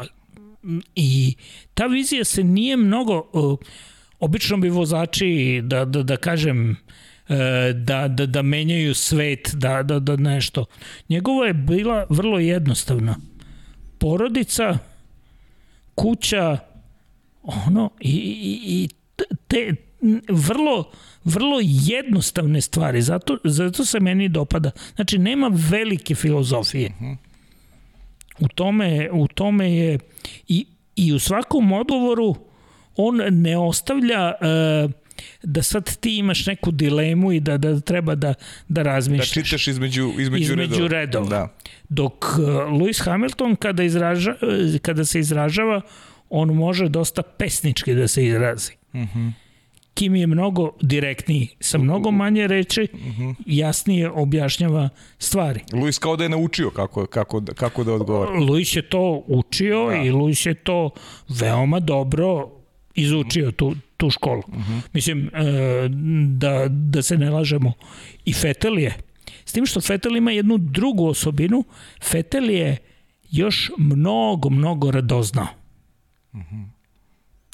Fetel je neverovatno radoznao. Ja se sećam, jednom prilikom sam sa kolegom Martinom Candirom, sedeli smo, pošto Red Bull ima u Monaku e, ono što oni zovu fuel station i onaj hospitality njihov, u Monaku je još tri puta veći, nalazi se na splavu i tu je gore i bazen i da, oni imate... ga dovlače morskim putem zapravo. Da, ono se pravi u mestu pored Monaka pa ga dovol ogroman kompleks i nije bitno i mi smo sedeli na tom nešto i e, pregledali smo slike e, pošto Mark Weber dosta gestikulira kada, kada priča i, i pravi komične izraze, to, to na slikama se može videti lica. I sad mi smo se malo smejali, kao pokazuje Martin kako je uhvatio koju, koju pozu i smejali smo se. Nismo primetili i sad vidim da fotografi stoje i slikaju nas dvojicu, ali ne vidim šta je.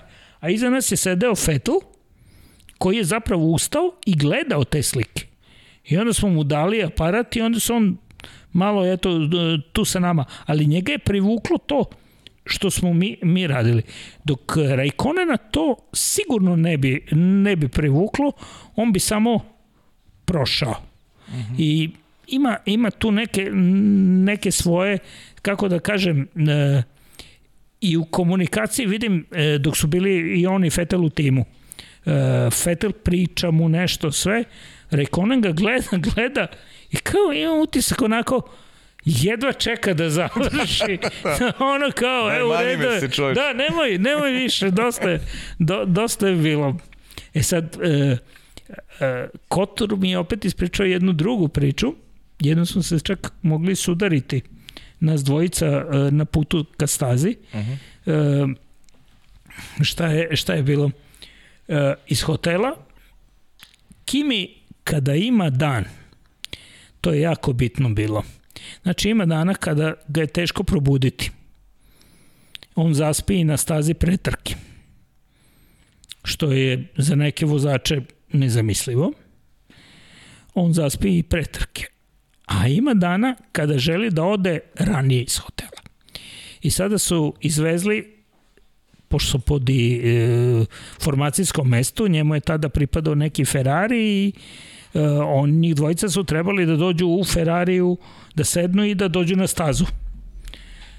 Međutim, tu je bio neki Ducato sa, znači, kombi sa Ferrarijevim mehaničarima. On je ladno uzeo, izvadio mehaničara iz kombija, uzeo mu ključeve i rekao idemo momci vi, evo tebi ključevi od Ferrari, kad ti ovaj doveze Ferrari, ti dođi Ferrari. Jer nije, nije hteo ni dva minuta da čeka koliko iz garaže da... I onda je to vozio kao Ferrari. O, na už, oduševljenje ovih u timu. Mehaničara koji su došli sa uh mhm. -huh. o, osmesima zajedno na autoputu. Ja sam preticao s jedne strane, on je došao malo sa druge strane, pa smo se skola našli Martin nije stigao da podigne aparat i onda smo se pratili do, do, do sama znači ono gde je, videli smo da Raikkonen vozi i kaže, kaže Miodrag, evo, danas mu se vozi. Da. To je to. Takav mu dan došao. da došao dan da kaže, ok, danas bih da. mogao da budem vozač Formula 1. Da, sjajno. I to je, uh, ako se setite onih, uh, onog uh, dijaloga u, u Baku, kad je tražio rukavice da. i volan. Hej, hej, Znači, on se derao na Marka, ovog njegovog fizio, kondicionog trenera, koji, koga on ne može da vidi, ali on je, on je tu čovek. Samo fizički ne može da priča, njemu guraju bolid. On je histerisao zato, zato što je mislio da je to ostalo u boksu. Ali on je potpuno osjeća da, da ima priliku i sad ne želi zbog gluposti da, da propadne. Verovatno poučen. Nije, nije sigurno prvi put. Bilo je da ode u krug, da, da, da, da vozi leteći krug i da mu nestane goriva. Mm. Mislim, ono u kvalifikacijama. Tako I to je, se de, de, dešavalo Ferrariju. I onda samo uđe u boks i ništa ne kaže. Izađe iz kola i okrene se i ode. Šta da im kaže? Ni oni ne znaju šta njemu da kažu. Da, ali Kimi, meni je to zanimljivo, on je dva puta bio vice šampion čovek, nemoj to isto zaboraviti.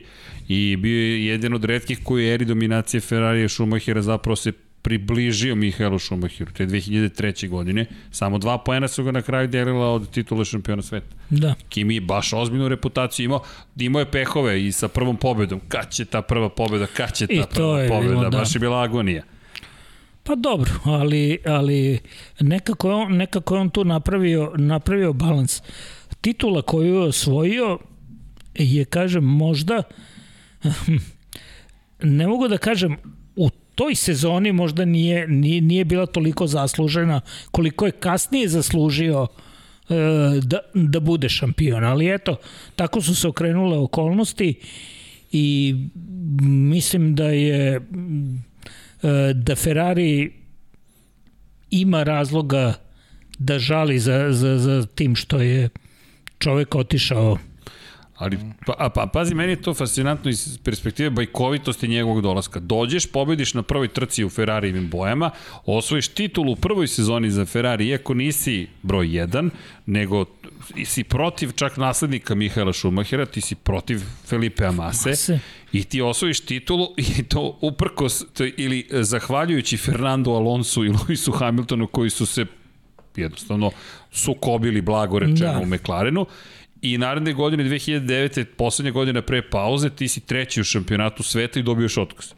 Pa bukvalno te oteraju, kao što si rekao. Pa, to, to, pa to je pa dobro, oterali su ga sa 27 miliona dolara. Mislim, ok, dobio je. da, da. nije, nije se ono... Nije loše prošao. nije u tom... Do, ovaj, ali mislim da, mislim da ipak za jednog vozača nije on, nije on nije to što, što je želeo, jer on je tu imao priliku. A e sad, što je Alonso imao bolje veze, E, to je sad tako, dru, drugi problem, to, da. ali videli smo kako je prošao Alonso u Ferrari, odnosno Ferrari sa Alonsom. Odnosno... Pa u krajnjem slučaju i Vettel kako je prošao sa Ferrarijem takođe. Nema da, neke velike samo, razlike. Samo što su bitno karakteri različiti Alonso i Ferrarija, Alonso ne trpi konkurenciju. Mm. Vettel je, Vettel je bio čak spreman Uh, ok, pokazao je da ono sa, uh, sa Ricardom nije mogao da izađe e, da, na kraj Bull, da. u Red Bull, ali, ali ovde je mislim da, da, da, da, da, je, da je Vettel karakter blaži nego Alonso. Kod Alonso je to sve e, na nožu. Kakva najava za Alpinu u 2021. godini. Da. Ti deluje samo, ajde digresija, to nisam odavno imao digresiju, da će biti drugačiji Alonso ove sezone. U kom smislu drugačije? Da neće ići tim pristupom u Alpini ka Okonu. Ne može on to toga da se odlepi. Dakle, to je to. Mislim, a s druge strane, ako, kad je Okon još, on je Renault đak. Mislim, i on će raditi ono što mu se kaže. Da sačuva poziciju u Formuli 1. Da. Dobro, to je, to je odgovor na temu Jeste. Alpine u 2021. Ali što se tiče Kimija, Kimi nam je i dalje tu u Alfa Romeo. Mada, ajmo da se osvrnemo i na, na, na, na, na karijeru posle Ferrarija, dve godine proveo u svetskom šampionatu u Reliju, došao je zapravo, za, nažalost, Robert Kubica se povredio, da. tu su otvorila vrata u Lotusa, Lotus koji je angažavao Kimija, Kimi koji je donio dve pobede u te dve sezone i dobio poziv tog istog Luki di Montecemola da se vrati u Ferrari šta se tu desilo? Kako sad Kimi ponovo u Ferrari? Otpustio si ga, oterao, ok, platili su i sad ga vraćaš nazad. Pa, Ferrari. On im je, on im je bio... Poslednji šampion. Poslednji šampion. Ne, nema šta bolje u tom trenutku šta je moglo da se dogodi po Ferrari i, i, po, i po marketinškoj i po konačno priču priče i snova. Je, imaš uh, pobednika koji je u nefavorizovanom, u Lotusu, koji je bio suočen sa mnogo problema, uspeo u, u tehnološki ipak bolidu koji je ne tako napredan kao ostali, uspeo da zabeleži uspehe, postane e, pobednik i dolazi, vraća se ono na, e, na lovorikama u Ferrari ponovo. E sad, što se tu opet nisu stvari odvijele onako kako uh, su svi želeli. Svi želeli kako, kako je to... A to je početak hibridne ere, to je 2014. To je bukvalno smena, to je pa, era. Pa poklopilo se sa, sa dominacijom Mercedesa i onda je Ferrari tu uh, jedna sezona, druga sezona, tamo gde. Svaka druga je pa bila smo, solidna. Tačno. Mm. Ni, em, em nisu mogli da se ustale u, u nečemu em su tragali previše e, ovaj, i bili skoncentrisani na neke druge stvari kao strateški, a to se nije dogodilo ni u jednom trenutku i onda su vozači dopali u drugi plan, onda je Fera, e, Fetel e, doveden kao posebno neko ko će da vrati titulu u Ferrari, što svakako je moralo da udari i na Sujetura i Konenu bez obzira, bez obzira na sve, tako da su od starta tu taj odnos između njih dvoje baš nije bio previše skladan. Da, jako je delovalo ovako sa strane da jeste, recimo. Onako sa strane kad čovjek gleda, stekao, stekao je utisak da Kimi Reko je neko ko prihvata svaku odluku tima. Ja mislim da bi som onako bez ikakve zadrške da bi se sklonio recimo toj trči bonci Sebastinu Fetulu da je to ekipa od njega tražila. Pa, imam, imam takav utisak. Moguće, sad to je ono šta bi kad bi, ne, ne znam. Nećemo recimo, da. nije, nije, nije Uh, ima jedan moment, recimo, kada je traženo od Filipe Mase da, da se taj da se skloni Fernando Alonso u Hockenheimu. Fernando is faster than you. Da, to je čuveni uh -huh. moment kada je de facto masina karijera da. ali je, ali je, ali je ono uh, indikativna rečenica koja dolazi posle. Good luck. Da, good lad. Mm. Da, i to, Dobra kuca. to je Rob Smedley. Mm -hmm. Pa good lad, to je, to, to, to, to, to, to Zna, ne, onako, je... o, nešto što nije moralo da ode u etar. Yes. I šta imamo u sledeća tri kruga? Imamo tri najbrža kruga mase. Tri kruga koji, u kojima je brži od Alonca.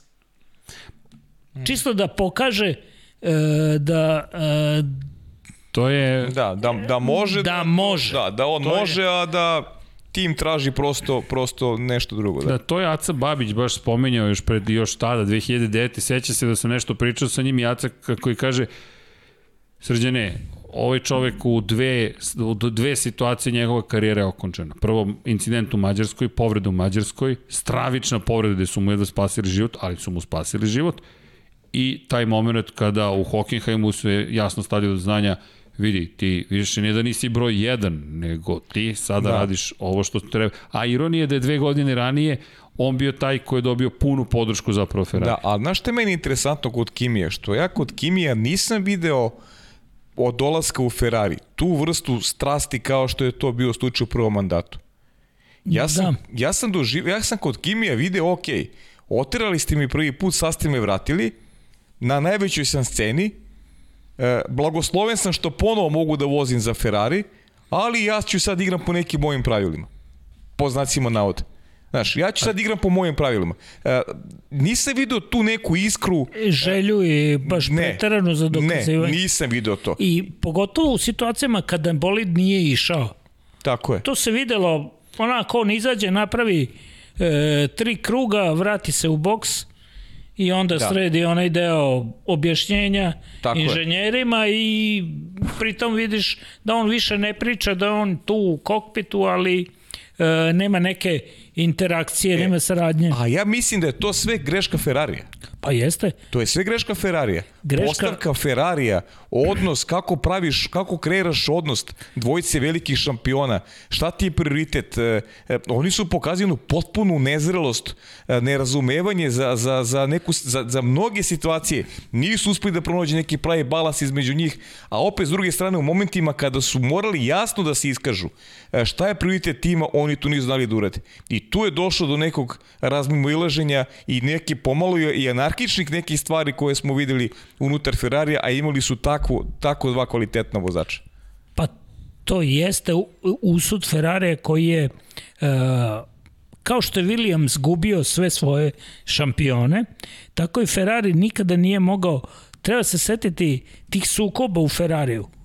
Koštali su glave neke. Žil Villeneuve je poginuo tako što je pokušavao yes. da se dokaže na, na prethodnoj trci Pironi ga ubišao, iako su rekli nema preticanja u poslednjem krugu, pa je onda u Zolderu pokušavao da ga prestigne tamo gde nije on.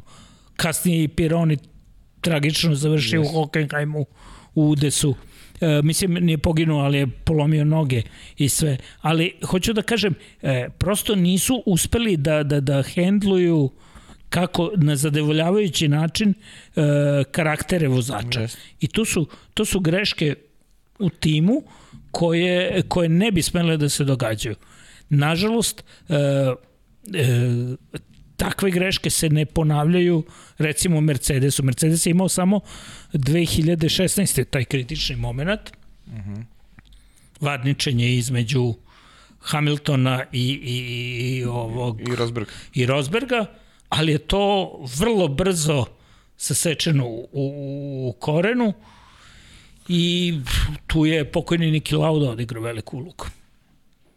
On je jednostavno pomirio te karaktere, tako da Botas kada je došao sada kasnije, Botas je došao na već potpuno pripremljen teren da, teren, i da. jasnu situaciju. Pa kad se da zna on... hierarhija, kad ima figura koja zna da kako da nastupi, to je to. E, to je ono što Ferrari nedostaje. To je da.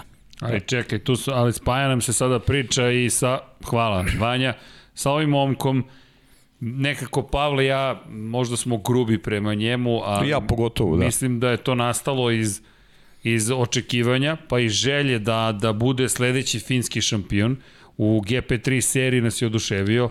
Jeste. I to pamtimo i dan danas držimo se toga kao slamke poslednje da Valteri nešto može. Prvi deo sezone problematičan, usponi, padovi, greške. Drugi deo sezone briljantan, osvojena titula. Jeste. I znam da smo ti ja pričali, wow, vidi kakav je ovaj klinac. Opet veza nam se pravi sa Kimijem, pa sa Mikom, pa sa i Kekijom, ali Keke, ajde, neka generacija Dobro, mnogo to je davno. potpuno. Jeste. Jeste. Ali sa Mikom i Kimijem direktno nam je veza bila nekako. Pa i Mika je, to. iz druge, iz druge epohe. Jeste, ali nekako nam je ostao u sećanju da, da, da generacijski, generacijski da. se nas tiče da, da pamtimo dobro, to. Da. Na, da, nije čak ni, ni on to, toliko isti, ali jednostavno on je taj finac. On je taj koji se borio sa Schumacherom, ta preticanje borbe. Pa i, izvini kada smo, evo, bravo Vanja, hvala. Čisto da se zna, da. gospodin Živkov. Pa dobro, ovo je nakon pobede u, u, u, mislim da je bilo ne znam da u Imoli ili negde, u svakom slučaju u motorhomu je on je voleo da popije šampanjac. Mi smo mislili da voda hidrira se čovjek. ali, da, ali, da, ali, ali ta veza nekako Mika, pa je posle Miki došao Kimi, pa sada posle Kimi je bi trebalo da dođe Valteri i Valteri dolazi u Williams i dobro, dobre sezone ima on u Williamsu. Bar prva, čak je prva sezona možda Jeste bila tu, najimpresivnija. Ne znam. Jeste, tu je opet tu je opet Williams uh, odradio dobru pripremu i sve i Wolf je njega pripremao već uh, za Mercedes. Sad problem je što se u Mercedesu našao Hamilton. Da. Da, i tu se slažu. Tu priča staje. Tu da. priča staje. I tu dolazimo do onog odabira kao čovek šta biraš, kao da li želiš da budeš deo najbržeg cirkusa po svaku cenu, cenu ili hoćeš da budeš neko ko se bori za, za najveće uloge. Jer on, on bi sigurno ostao bez uh, angažmana u, u ovome. Rosbergu je to moglo da prođe. Rosberg je imao pedigre, Bottas ga nema. Isto kao... I to je tačno. Uh, Rosbergu je moglo da prođe što zbog oca, što zbog nemačkog porekla, ajde da kažemo nemačkog veza. Pa, mislim, cijela konekcija, on je čovjek konekcija. u Monte Carlo odrastao, on je čovjek koji je, pa, oh, hvala. Drugo, druga, je, druga je njegova, uh, cela životna priča Rosbergova je potpuno drugačija. Pa da, on je klinac iz Monte Carlo, bukvalno. On je tu odrastao, sin svetskog šampiona, čovek koji Da, vozi pod nemačkom zastavom, otac vozio pod finskom zastavom, ali ti dolaziš iz jednog mondenskog života, iz garaža Formule 1, trka. Sve, sve ti je blisko. Tako je, i za razliku od Raikonena, na primjer, koji to nije imao, te o tom je neka bila veza. Raikkonen je bio fasciniran prvo svim tim e, Celim svetom. Svetom. E, I Bottas je na neki način, s tim što je Bottas manje, jer je on imao tu Formulu 3 pripremnu fazu, on se družio sa tim svetom, bio prisutan i, i to je To je nešto što je uh, kod Botasa uveliko bilo, na neki način bilo lakše. Ha, ovo je da, interesantan moment. To je uh, pobeda u, u Austriji Botasova, kada mu je, naravno, Ricardo u patici ponudio da popije šampanjac. Ovo je patika u ruci Ricardo, naravno, Botasova reakcija je jasna na šuji. Ne hvala. ne, ne hvala. Ne pijem. Nisam žedan. Makar ne. da li, zanimljivo, Hamilton isto rekao da nikad to neće raditi po prošle godine u Turskoj rekao, ok, u ovom momentu da se popije. Pa bio zgodan trenutak. Pa, to mu je, to mu je ovako, kako da kažem, Uh, uopšte Hamilton je u Turskoj bio vrlo emotivan. Ja sam prisustvovao toj trci. Da, izvini, ti si bio u Turskoj prošle godine. I, u sred ovaj, COVID-a. Da, to je ovako jedno iskustvo, da kažem, e, neobično, a nadam se da, da ove, mada ništa ne miriše da će Ma, biti da. bolje Naprotiv. ni u budućnosti. Nažalost, e, ovaj, a Hamilton je tu, tu vrlo, vrlo emotivno odigrao. E, zato što je pobedio je, osvojio je titulu, on je tu želeo titulu, on je e, držao mehaničare do ja sam sa staze otišao u 11 uveče, on je još držao mehaničare u garaži su radili. Iako mi nismo mogli da, da uđemo. Tako je sad postavljen taj e, sistem da e, samo određeni e, novinari, odnosno fotografi e, ekipa mogu da priđu, ali si mogao da ideš okolo. I oni su sad kao ovčice u toru, a mi obigravamo okolo. I on je držao mehaničare i ovo, jer je tražio na sve načine da podese bolid tako, znalo se da će biti kiša, kiša je hladno vreme i sve, ali on je to želeo da okonča pobedom. I ja verujem da bi on, da bi on stao, a ne bi se okretao kao Botas, Botas se te u toj trci okrenuo 7-8 puta, da. ja, ja ne znam, ima ono, uh, on je više išao po prečke, ja sam mislio, mislio da, da na kraju on driftuje, šta radi? Duše driftovali su mnogi, da. ali je ovaj, uh, Hamilton je bio tu i to je to je onaj uh, šampionski manir da hoću i hoću po svaku cenu. Uh mhm. -huh. Može bi se to tu se Hamiltonu mora mora odati priznanje. Kako ne, naravno. Da, pa nema odustajanja pa ne, Pa to da, znaš da neće odustati. Jeste. I to jeste šampionski moment. Kako ne, pa veliki šampion, to, to, to nema, nema dileme uopšte. Nema dileme. Mm. A, a s druge strane, Bottas je tu onako nekako potonuo, imao je grešku na startu, pa gde god si pogledao, on je negde bio da. sa strane. On, on se u glavi zadovoljio time da počne sezona, ok, dobar sam na početku, dobijem novi ugovor i kao da dobijanje novog ugovora, kao da je on tu Sve završio. Sve ambicije prestaju. Gotovo, to je završena priča. Moguće. Deo, deo sam toga, e, lepo mi je što sam deo toga i to je to. Znači, nema, nema tu da. nekih... Ali dobro, mislim, i to je izbor. Ok, i to je izbor. E sad, druga je stvar što, što kaže Srđan s početka, kao neko koga je gledao u tim nižim kategorijama. Meni je žao što je tako. I zbog toga sam ja često možda i korist neke termine koji nisu prikladni vezano za, za njega, ali samo iz tog razloga što ima potencijal i mogu je da, mogu je da se bori za najveće uloge. Mogao je, da, ali pitanje je koliko bi dalje u Mercedesu ne bi to dopustili, jer kažem, onog da. trenutka kad je došao kao Rosbergova zamena, Toto Wolf je izrečit bio u jednom razgovoru koji smo imali uh -huh. 2017 ili 18 intervju, rekao je nikad više mi se neće ponoviti situacija ne želim to da, da Barcelona da dopustim. 2016. Barcelona i to. Tu je, tu je sukup razlešio, kažem, rekao sam pokojni Niki Lauda. On je vrlo jednostavno rekao, jer pitao je kako, kako ja njih sada da, da dovedem u ovo, kaže nikako. -huh. Ne moraš ništa da uradiš. Popravi bolide uh -huh. i daj mi račune po full cenam. Ispakovali su račune i poslali jednom, poslali drugom. Sad, e, to je takav udarac na suetu kada si ti svetski šampion Lewis Hamilton i od tebe tim traži da platiš, da platiš uh -huh. za nešto. To je udarac na suetu. Uh -huh. Pritom su rekli Hamiltonu znalo se, bez obzira koliko je to 2016. ta odluka, e, Rosberg je tada rešio da ga pobedi, bio, bio je čvrsto, on je svaki trening, svaku, svako zagrevanje, svako ovo radio sve pre Hamiltona. On je izlazio na stazu, dolazio na stazu pre Hamiltona, izlazio na trku, izlazio na, u, u krug, sve je radio pre Hamiltona čisto da bi držao psihološki pritisak. I uspelo mu je na kraju.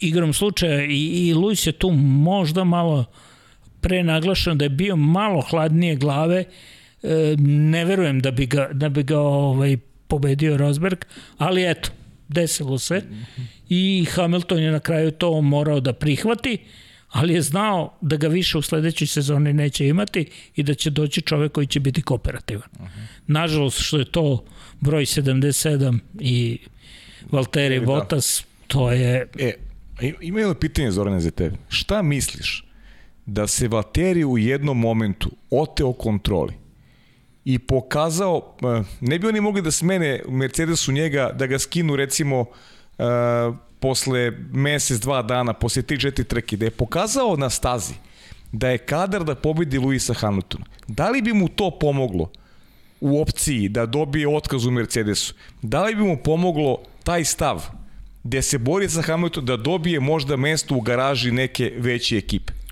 A, pa bojim se da ne, jer su sva mesta bila popunjena. Sećaš se da nije bilo mesta ni za Alonso. Uh -huh. Bojim se da, da, da ne bi. To, to bi bilo za bolje za publiku, za sve navijače i sigurno bi stekao mnogo više simpatija. Ovako je pristao da potone u prosečnost i da, da, da bude vodonoša Hamilton. Uh -huh. A bojim se da ne bi, jer u Formuli 1 nije bilo mesta ni, ni, ni za jednog Fernanda Alonso tada. Da.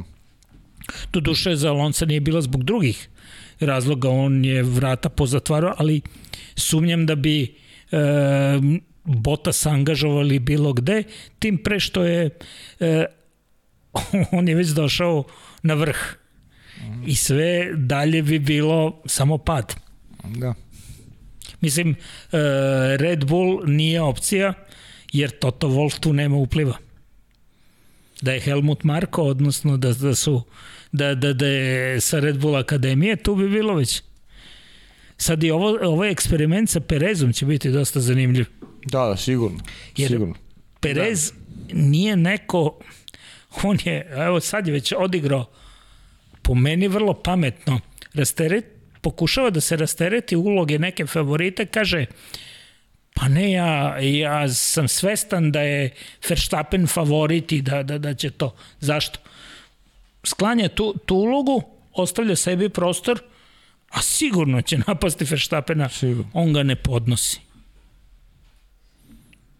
Dom Pablo ima tu teoriju Deki Potkonjak da će zapravo biti haos u Red Bullu i da će Sergio Perez u jednom trenutku ponovo pokazati tragove Serhija Pereza iz perioda kada je vozio, pa evo, Kimi Raikkonena spominjemo, kada je 2012. u McLarenu bio spreman da na ozbiljnu tuču praktično sa Kimijem. Perez se nije sklanjao tako lako. S Okonom incidenti u Force Indy, u Racing Pointu, incidenti su tek sada izbjegnuti kada je dobio otkaz. Tek tu je rekao, ok, sad sam dobio otkaz, fokus, ajde da vozim, ali sada imaš ugovor i dobio si podršku i sad to je teorija koju su iznili Dom Pablo i, i Deki Potkonje, sad slušam tebe, gledam Paju koji deluje mi kao da odobrava. Pa ne, ne, znaš ko pazi, ja, ja sam siguran će, da će Sergio sa stavom izaći.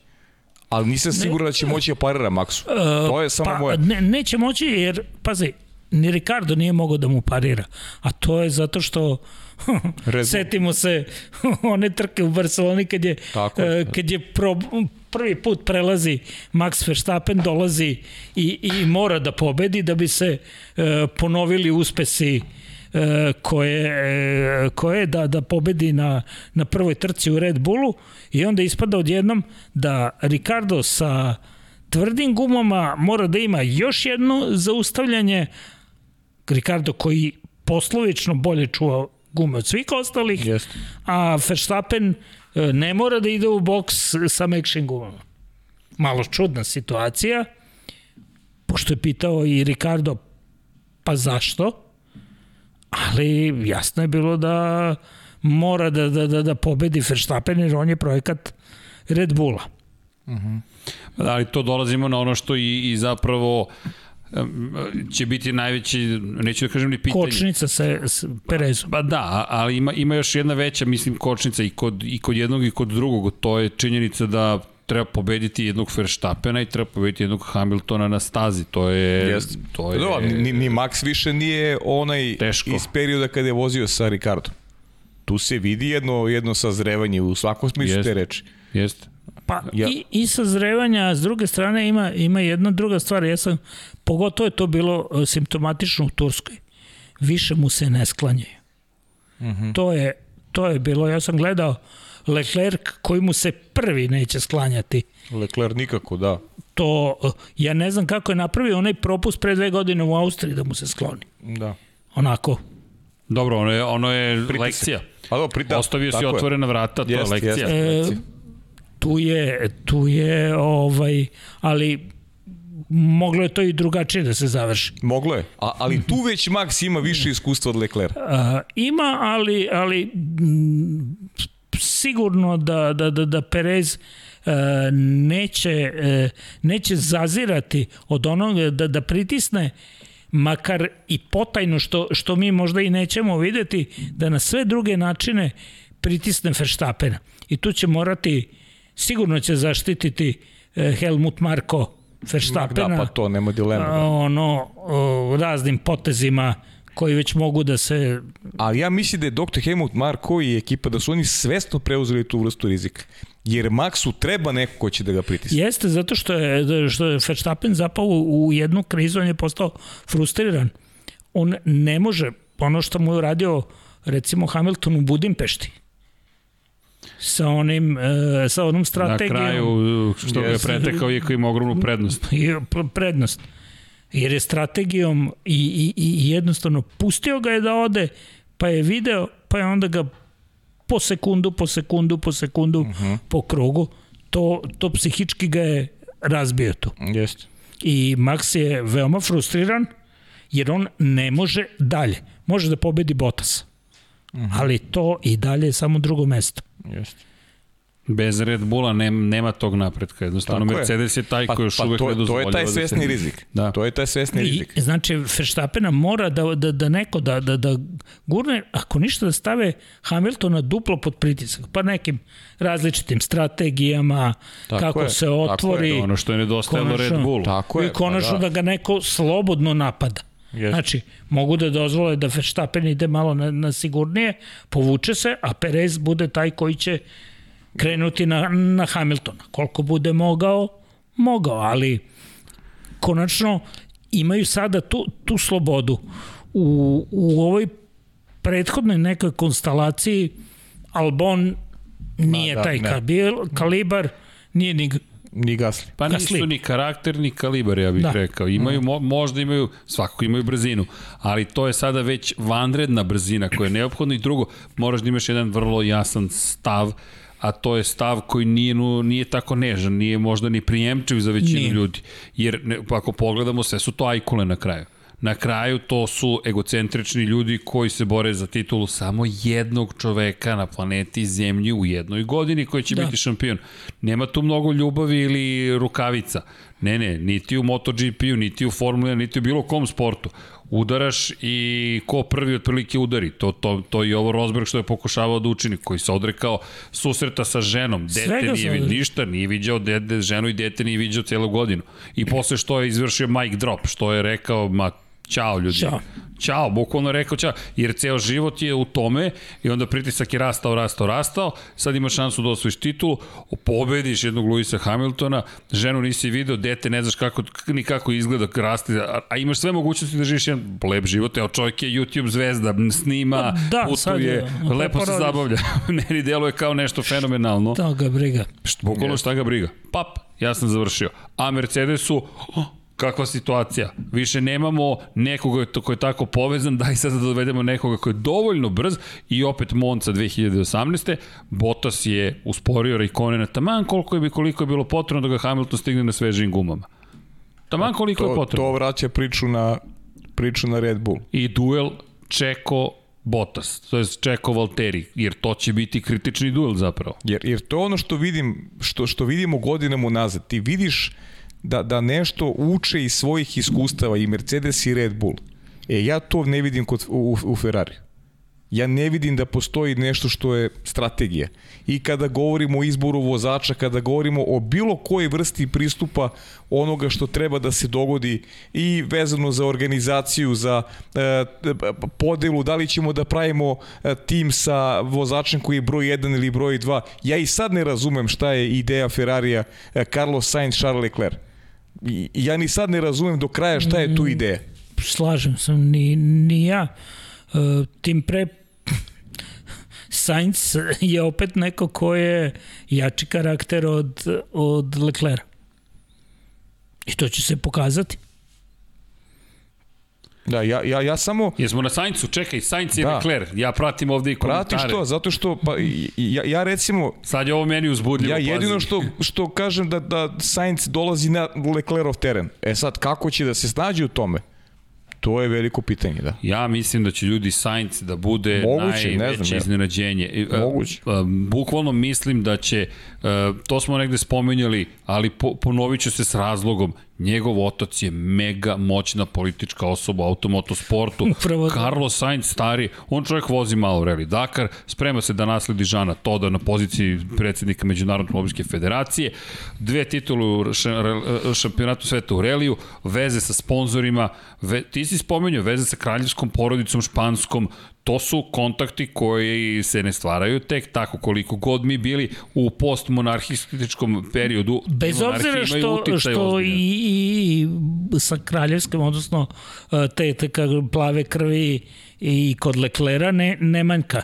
Ne, e, tako, u, u, ali, je, ali je ovo jačalo za Ja, I imaju više kontakata u automotosportu.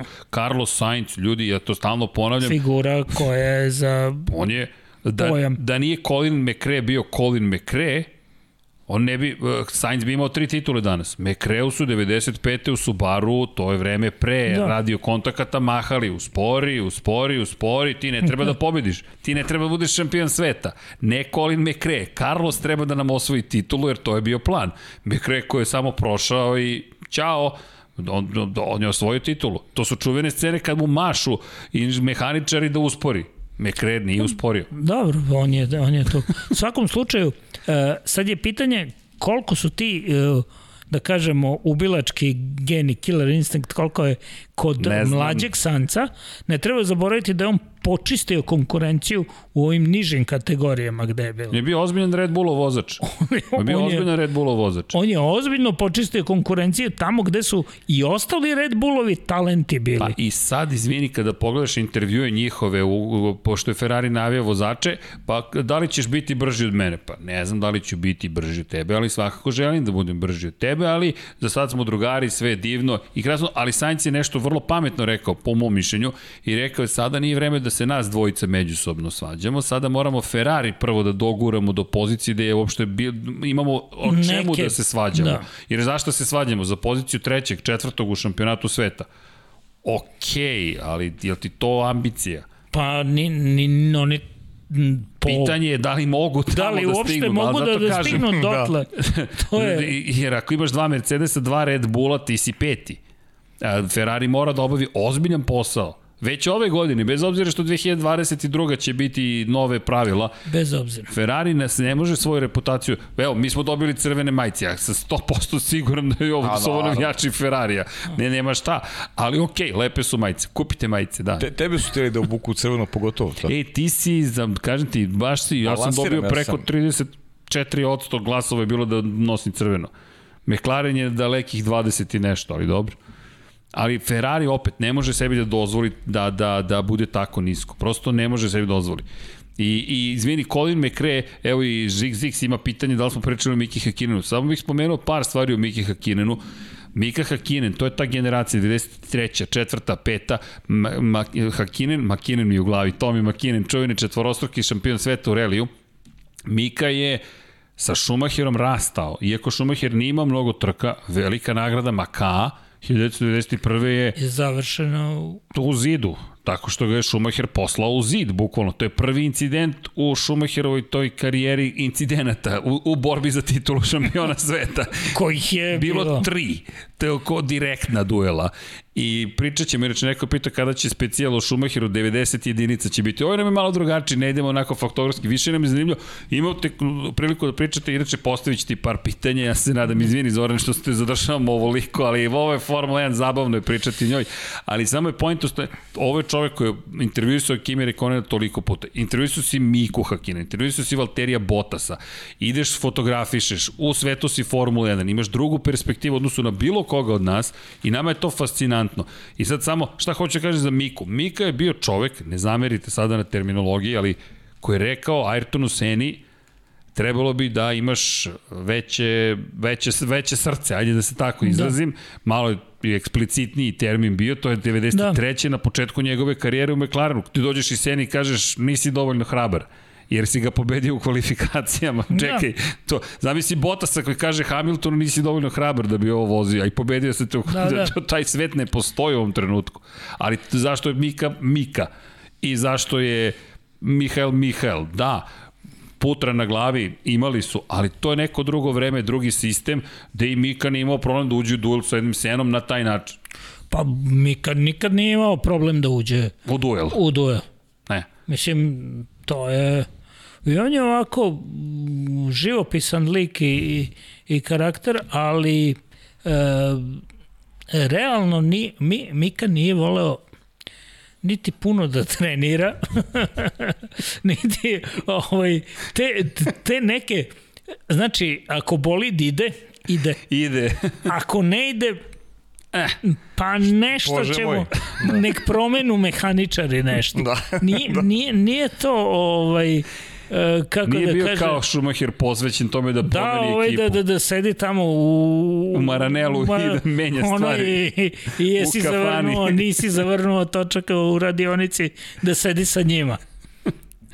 ne, Mika to I, nije Mika je bio više škola ovog Nigela Mansella i to. Ovaj, I rešavaju mnoge stvari na gas. Uh mhm. -huh. Znači, ako prođe, prođe.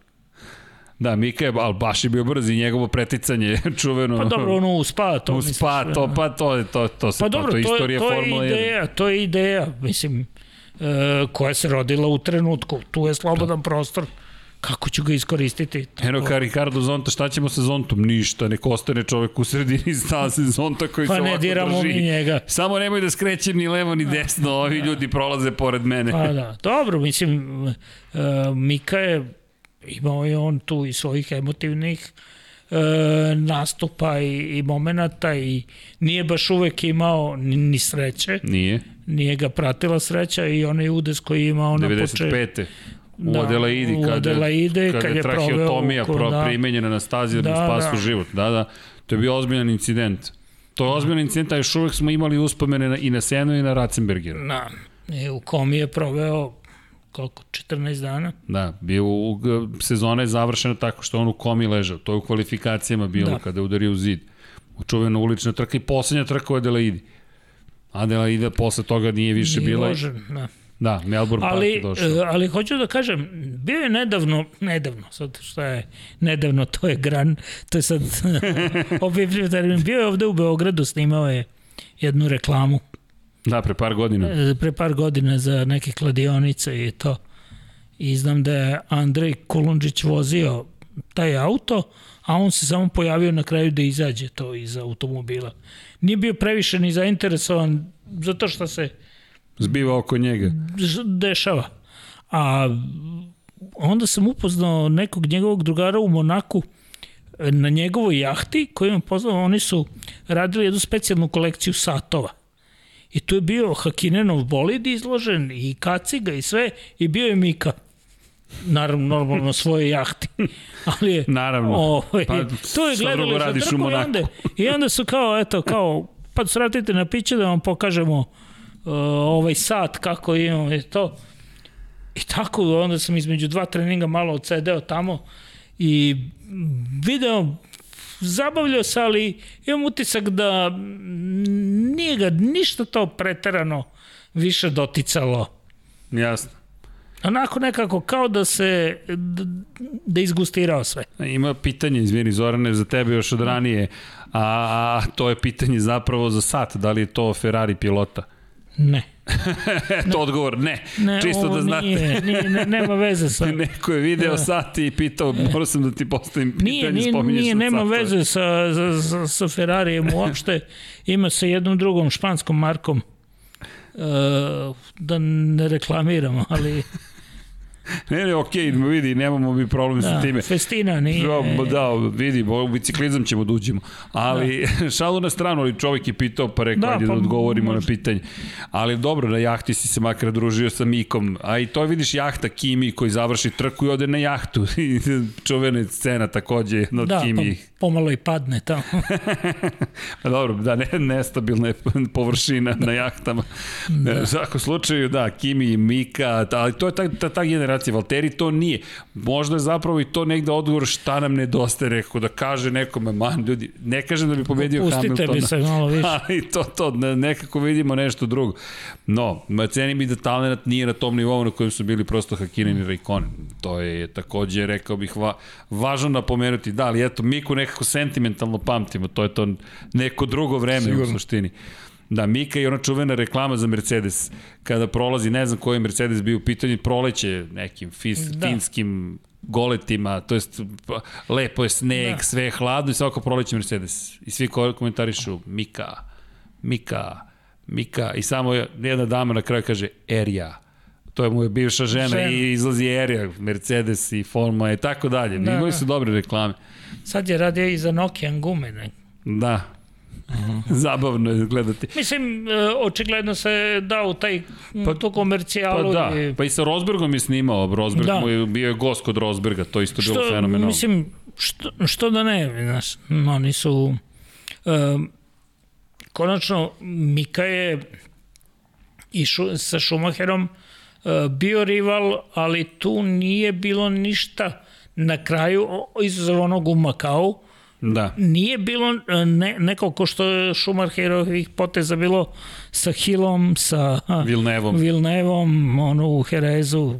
Dobro, mada mu je Mika objašnjavao posle, dvih, posle jeste, preticanja, vidi, ja sam bio ovde, ti si bio ovde, malo si me gurnuo na travu, ali, ali Mika je seo sa njim, a Schumacher koji sedi, da, okej, okay, dobro, dobro, ali poslušao, saslušao ga je. E, jedino što je tu, tu je Schumacher mudro odigrao je i znao je Uh, Mika je imao aduta u, u džepu uvek kultard.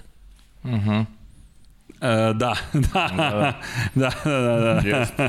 Čuveni moment. ne, ne samo zbog toga, Kultard je uvek bio dovoljno brz da iznenadi. Pa to je ovo Sergio Perez sada što da. bi mogo da odigra da. ulogu u Red znači, Bullu. Da. E, Jest. nije, nije sigurno kako će, ali će se može da se desi. jasno, jasno. Da, ovde nas gledaju zbunjeno, pola jedan je ujutro, pa, ljudi su i dalje tu. A, da znaš, da, tu.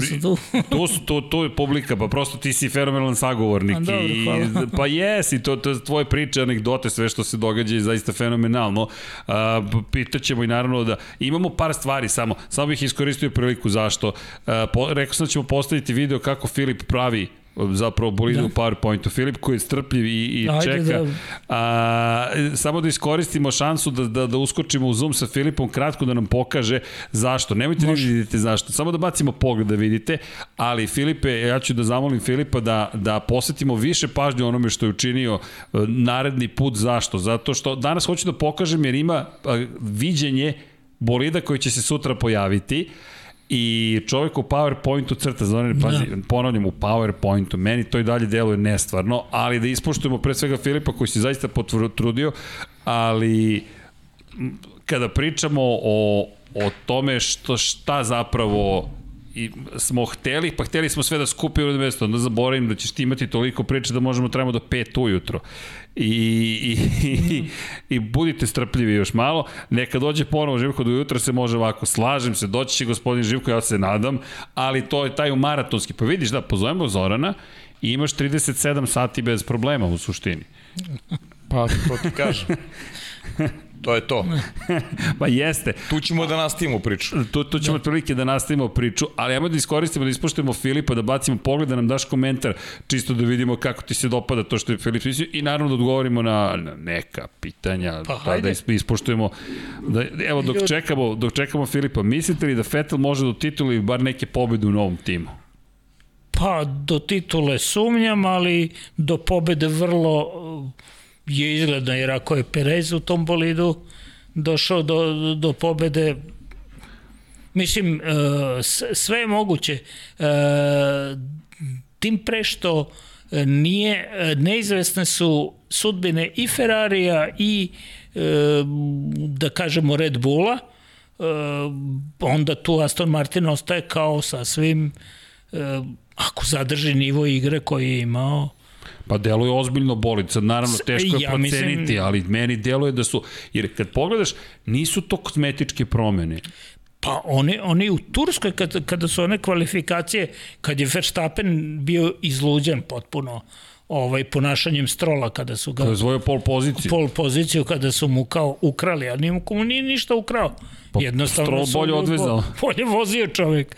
I ovaj, tako da je e, da je to meni se čini da da Fetel ima dobre mogućnosti da, da na kraju i bude, bude ta kombinacija uspešna. E, pitanje je, evo, šta mislite o tome Sainz protiv uh, Alonsa? Pa oni imaju te španski rivalitet, mislim da ha, teško je reći sa, sa ove distance koliko, koliko je odmakao. Uh, mislim da, da, da će Alonso i ovu sezonu ipak provesti u, u razvoju bolida. Mislim da, da, da sada Alpina neće, neće tu moći mnogo. Ne znam koliko će Sainz, e, veće ne, Alonso će morati da razvija bolid i sigurno je pauza ostavila traga, a ne zna se kako će Ferrari e, funkcionisati. U duelu na staze uvek je taj e, Sainz koji će biti agresivniji, koji ima više da dobije, a on se uvek tu više gubi. A pazi ovo pitanje Zorine Dejana Andrića, da li mislite da je Ferrari namrno do ovo Sainca i možda time e, se nadaju da izlobiraju neka pravila ko budućih predsednika FIE koji će možda Ferrari da pogoduju? Pa, e, kako bi Nemci rekli, jajn i da i ne. e, ja, da, u smislu, e, sumnjam da, da, da, da, da, je, da je sin e, prava adresa da, da, da, da, se, da, se lobira, da se lobira na oca e, i mislim da se to radi na jednom drugom višem nivou. A Stefano Domenicali? Ja. Pa Stefano Domenicali je jača priča u, u celoj, u celoj to, to je dete Ferrari. Jeste. Me nama je zanimljivo, pojavio se na pramaku u MotoGP-u znak Ferrarija. Da. Formula 1 se pojavio i da. sad Kako, zašto? Zašto, kako, čemu, kako i sad ono što se smatra vezom, pošto Pramak da, ima veze sa Lamborghinijem, sa Lambom, jeste, pa da li je onda veza zapravo Lambo, to je Domenicali koji je vodio Lamborghini, da. a bio je pre toga u Ferrariju, pa sad da li nam to nešto odgovori, pošto Paolo Campinotti koji je vlasnik Pramaka ima veze sa Lamborghinijem? Pa ima, uh, to je ceo jedan projekat koji je srušen Dieselgate-om Volkswagenovim e, svojevremeno kada je Aha, evo ga, Filip. Stiže nam i Filip, da. da. Ali e, samo završi pa ćemo da se prebacimo, tamo dolazi To je sa, sa, sa Dieselgate-om ima veze, gde su srušene kockice, gde je sve e, trebalo da, da, da se odvija na, na neki način, da se Porsche uvuče u Formulu 1, da Lamborghini uđe potpuno u trke izdržljivosti i Le Mans i, i ceo taj projekat je trebalo dru, drugačije tu da se složi oko Bolonje, ali je narušeno Pa dobro, to su ogromni kubici, to su milijarde su dolara u pitanju, reputacija, problemi koji pa, se da. nastavljaju i to, ne, to se ne rešava preko noći. Pa otkaz menadžmenta vrhovnog, pa da. onda ko je sve umešan, pa se onda otkrije godinu pa kasnije pa, dobro, da još na, na kraju to, to, to, je, to je jedna posebna tema, to je razračunavanje nekog američkog dela firme yes. sa Winterkornom koji je hteo da bude gazda sa obe strane Atlantika, to nije išlo, ali Hajde da vidimo šta se o, ovaj... Da vidimo, da. Želimo dobrodošlicu Filipu. Vanja, je nam tu Filip? Da. Jel nas čuješ, Filipe? Čujem, čujem, pozdrav svima. Evo, sad o, imamo Filipe. i gosta u studiju i gosta preko Zuma. Vanja, ćeš da nam pokažeš šta je to Filip napravio? Izvini, Filipe, malo je potrebalo, ali trebalo da znamo da će A, ovo da... To je, to je standardno i to je super, zato što su odlične teme. Hvala. Kako tebi sve ovo zvuči? Odlično, ja bih samo dodao onu čuvenu krilaticu u Automoto Sporta, if you want to win, hire a Fin. Ako želite da pobedite, angažujte Finca. dobra, dobra, dobra, dobra. Dobro. Da li možemo... E, da, ovo je e, samo ukratko, pre, pre par nedelja si bio gost i pričao si o tome kako u PowerPointu ti zapravo crtaš. Ja nadam se da publika ovo može da vidi u pozadini. Ovo je time lapse zapravo, ti bukvalno uzmeš PowerPoint, i crtaš. Meni ništa nije jasno. Kako ti dobiješ ove maske? Ne razumem. A, dobro, maske su gotove, maske dolaze od kolega koji ih prave. Dobro. Ovaj, ja ih samo pokupim te template, odnosno te šablone i onda preko njih, odnosno ispod njih, tako reći, crtam. Ovaj, to je, I u tome je cela draž zapravo moja, jer nikad e, se nisam nešto zbiljnije posvetio Photoshopu kao Photoshopu i onda nekako uh, kad znam za sebe sve, crta, sve crtam u PowerPointu, tako da prosto to se onda prenelo i na ovu priču o dizajnu naravno. Ovaj, i negde ideja da, da eto, I evo u Lab 76 se to pokaže, tako da i to Da, ovo, ali je bizarno zapravo. Evo ja gledam zapravo ti crtaš, ti koristiš pravougalnike, koristiš različite oblike i onda praviš da. zapravo u slojevima ti napraviš Ferrarijev tako dizajn. Je. Tako je, tako je. Pa mislim, poznavanje osnovnih oblika, poznavanje kako bi to onda ležalo na automobilu kada bi se takvi oblici nacrtali, dovodi do ovaj, dovodi do željenog ishoda. Ovaj, moja inspiracija ovde je bila gledajući kombinezone vozača ovaj, koji su objavljeni umeđu vremenu, a, to što su oni predstavili zapravo kombinezone sa onom belom trakom sa italijanskom zastavom, ovaj, to mi uvek nekako, to mi onako privuklo pažnju kao, ok, ovo je nešto specifično i to što je ovaj Mission Win odnosno to MW ovaj logo je bio na beloj pozadini. To mi je isto bilo specifično, kao to se ranije nije dešavalo. Ok, ajde vidimo šta to može da bude. I to je bio moment gde sam ja se dao na research, jel? I u principu iz rezultat toga je bio a, pronašao sam zapravo a, automobil iz 93. Ferrarije koji je imao identično kao ovaj dizajn koji a, sam napravio tu belu štraftu preko preko pokrivača motora i a, imao je tu, a, tu, tu italijanski motiv, te italijanske zastave. I ovaj, to me negdje motivisalo da i krenem tim putem, jer kad gledamo Ferrarijeve prethodne dizajnove livreja od proteklih godina, a, nekako tu ima prizvuk kao onih starih, recimo brojevi su kao iz perioda Gilles Villeneuve do ekipa koja je bila posle njega na ovim modernim bolidima, identično izgledaju. Onda recimo uh, bolid iz 2017 je bio obojen identično kao imao te motive slične kao što ima Niki Lauda na svom ovaj na svojim uh, Ferrarijevim bolidima. Znači onaj jedan beli beli deo sa italijanskom zastavom i okvirnim brojem recimo. To su neki momenti koji se tu javljaju ovaj koji su meni onako bili zanimljivi i privukli su mi pažnju. Da sam rekao ok, hajde da vidim da li ima nešto slično tome u njihovoj istoriji što ja mogu da iskoristim. I tu se našao taj uh, uh, iz 93.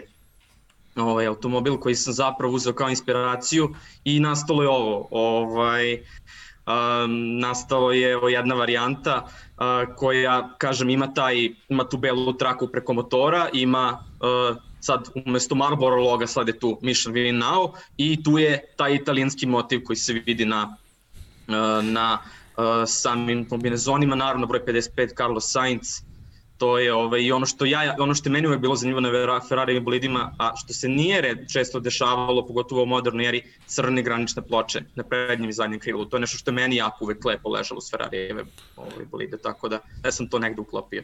Da, i ovo si sve uradio u PowerPointu, ja ću to da ponovim, jer Tako. meni to i dalje zvuči dosta neverovatno. Imamo taj time lapse koji si pravio i da. malo ćemo ga ubrzati verovatno, ali ćemo postaviti to na kanal. Vanja, možemo da bacimo pogledi na taj time lapse, molim te, pošto to je fascinantno. Prvo, hvala ti za trud. E, prosto ne štizemo sve da uradimo što bismo da uradimo. Tako, ponese nas vreme itd. Ali ti si krenuo zapravo od ovoga. Ovo ti je istraživanje. Ti imaš ovde... Da, to je istraživanje. To su bolidi koji su inspiracija, tu su kombinezoni vozača i tu da. su svi logoji natrpani dole. I onda koji imaš masku. preneseni. Tako, Jasno. Tako, tako. Va, možemo da, da ubrzamo malkice samo, uh, pošto smo ovaj deo već bili videli. Uh, to traje oko pola sata sad nažalost tako bismo još pola sata posvetili samo crtanju, ja mislim da ćemo završiti negde oko pola dva samo ovaj deo, a mislim da, da, da, da ovo mi je zanimljivo, K koliko pažnje posvećuješ detaljima i ti ovo sve praviš zapravo od oblika koji imaš u PowerPointu. Sorani, si nekad video ovo?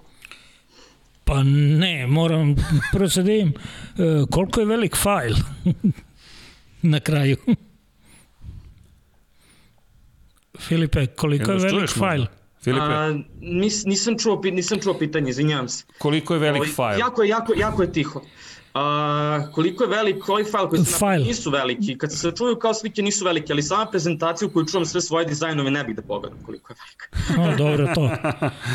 Inače, plašim, plašim se cifre koju da, da, da. Inače ovo odakle izveden ovaj bolid E, malo pre smo ga videli prvi koji se pojavio sa tom belom štraftom, to je T312, to je bolid Nike Laude koji je iz tamo sezone da. Uh, da, to je iz 75. čuvene. Da. Prva titula došla za Nike Laudu, da. To je njegov ovaj, To je jedan od mene lično najlepših, tako da. Ovi, sve, sve su to neke da. inspiracije, ideje kako... A ove crne granične ploče i to ima svoje zašto. To, na crnom se najmanje vide i naj, najteže se prepoznaju oblici. Zato oni to i dosta skrivaju. Da, toga, i, i side potovi i sve, sve to se farba u crno kako bi se najteže najteže to videlo. Nažalost, da, ta da. bela boja i to, ona baš nije donela sreću. E... Da, pogotovo 2016. Tad nisu baš imali sreće da. kad, je, kad im je bila bela boja više da. prisutna, ali ajde da se nadamo da će sad biti bolje. Pa... To je, to je ovaj, naravno, pod uslovom da uopšte bude nešto slično tome, ono što će oni zapravo sutra predstaviti. Ovo je negde moja neka vizija kako A, bi to dobro. moglo da izgleda ako se prati taj trend um, tih starih elemenata koji se prenose od prethodnih livreja koje su ranije imali. Što se vide, motivi neki se vide, možda nije to toliko da. ovaj, prisutno, ali primećuju se. Ne, svaka čast, ja nemam reči. Da. Prvo, ne ozbiljno, hvala za, za vreme, za trud, za sve, mašta koju ulažeš, pri čemu koliko vremena posvetiš ovome što, što Zoran kaže, to su detalji, ono što si napravio na uvodu, gde ti pretpostavljaš šta će biti sledeće što će doći. Trendovi. Da, da, da. I naravno, ovaj, pomora da postoji slika bolida od prošle godine, se vidi koji su to, sve to sponzori bili, jer će verovatno većina njih da se ponovi, i onda se doda, dodati eventualno ono što je novo, a ono što je novo jedino je Straja Galicija, tako da 0-0 naravno. Tako da ovaj, to je jedini dodatak koji je dodatno osnovu onoga što je već bilo ranije. Da, i Strelja koja dolazi zajedno sa Carlosom Saincom i koja više nema na McLarenu zato. Tako je, tako je, tako je. Tako da stiže i Mark van der Straten. Da. Stiže i Mark VDS Racing u Ferrari. Da, to su zanimljivi za oni koji ne znaju vlasnik ekipe u Moto2 kategoriji, pa i sponsor u Moto3 klasi, zapravo vlasnik iz Trelje Galicije. To su te veze, Belgijanac. Pa dobro, pivo, Nije loše, naprotiv, uvek, uvek je zabavno u Mark VDS Racingu. I koliko ti treba vremena da ovo nacrtaš? Mislim, koliko na kraju traje to sve? Pa, toliko koliko je snimano to je to. Pola sata, to je to. Oko, oko pola sata, ali to je, uh, nakon što sam naravno pre toga već jednom to nacrtao, da budem siguran kako to treba da izgleda zapravo, kad je research već odrađen, naravno tu već ode neko vreme i tu su nastale tri varijante zapravo tog bolida. Sjajno. Ove, ovaj, tako da, um, Onda na koju sam se na kraju odlučio, nju sam snimio kao timelapse, ove druge dve postoje samo kao slike, to sam isto poslao, tako da. Ne. Jel smemo ovo da stavimo na naš kanal? Naravno, naravno. Stavit ćemo i watermarkove da se zna ko je ovo pravi promociju ka tvom YouTube kanalu i ka web sajtu i prosto da ispromovišemo sve ono što radiš. I, i Paja je običao sledeći put kada budemo radili Formulu E.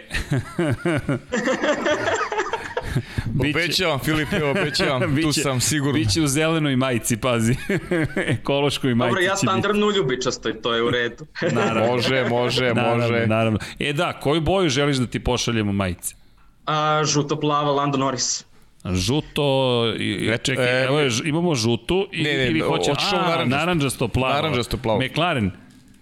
A, mislim, može i McLarenova, ali ja, mislim, da, mislim da je bilo u ponudi neka žuto-plava, jedino ako nisam pogrešan. Ima žuto-crna. E, Eto, Lando Norris, može. Ok, žuta boja, dogovoreno. Dogovoreno. Zorane, koju ćeš ti majicu? Šta si ti rekao? Ili hoćeš da to kasnije? Pa kako god veo. Meni je ova naranđasta interesantna. Dobro. Dobro. Da, naranđasta.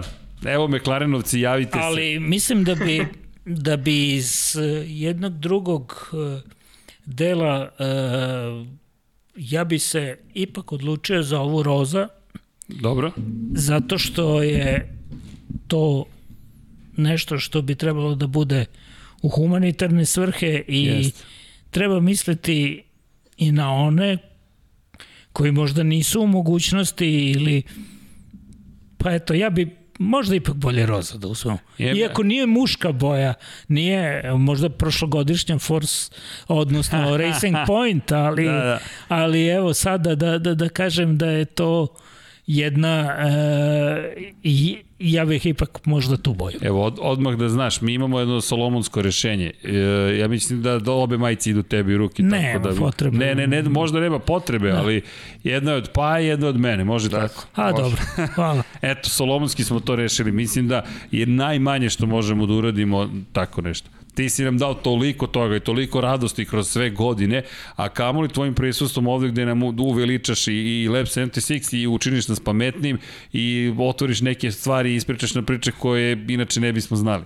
Pa, drago mi je, hvala vam na pozivu i konačno i hvala gledalcima koji su ostali, evo, Pa ima do, negde oko 375 gledalaca trenutno, samo da znaš. Pa dobro, ja želim da im se zahvalim na, na, na ovome mm, što, što prate, e, što ih interesuje ovako neke stvari, da čuju, ima tu puno, puno priča i kratka je noć da, da se to sve... Ne, za, za vikend ćemo da se vidimo još. Ja mislim da ćemo da se organizujemo, ako si raspoložen, ako si u mogućnosti da oborimo taj rekord od 37 sati. Vidiš, već smo na 3 sata i 14 minuta. Lagano. Lagano, da. Pa da, to, to kad, kad su dobri sagovornici. Mislim, ono, be, mislim da to bez Orana nezamislivo, to tih 37 sati. Ba, ja, apsolutno. Ali zaista, uopšte se ne šalim, ne, ne da. govorimo zato što si ti sada tu, nego zato što to zaista ne može bez tebe. Koliko možeš, pa, to dobro. je to koliko Dogovor. možeš. Da, baš. Koliko budeš raspoložen u mogućnosti i, i tako dalje.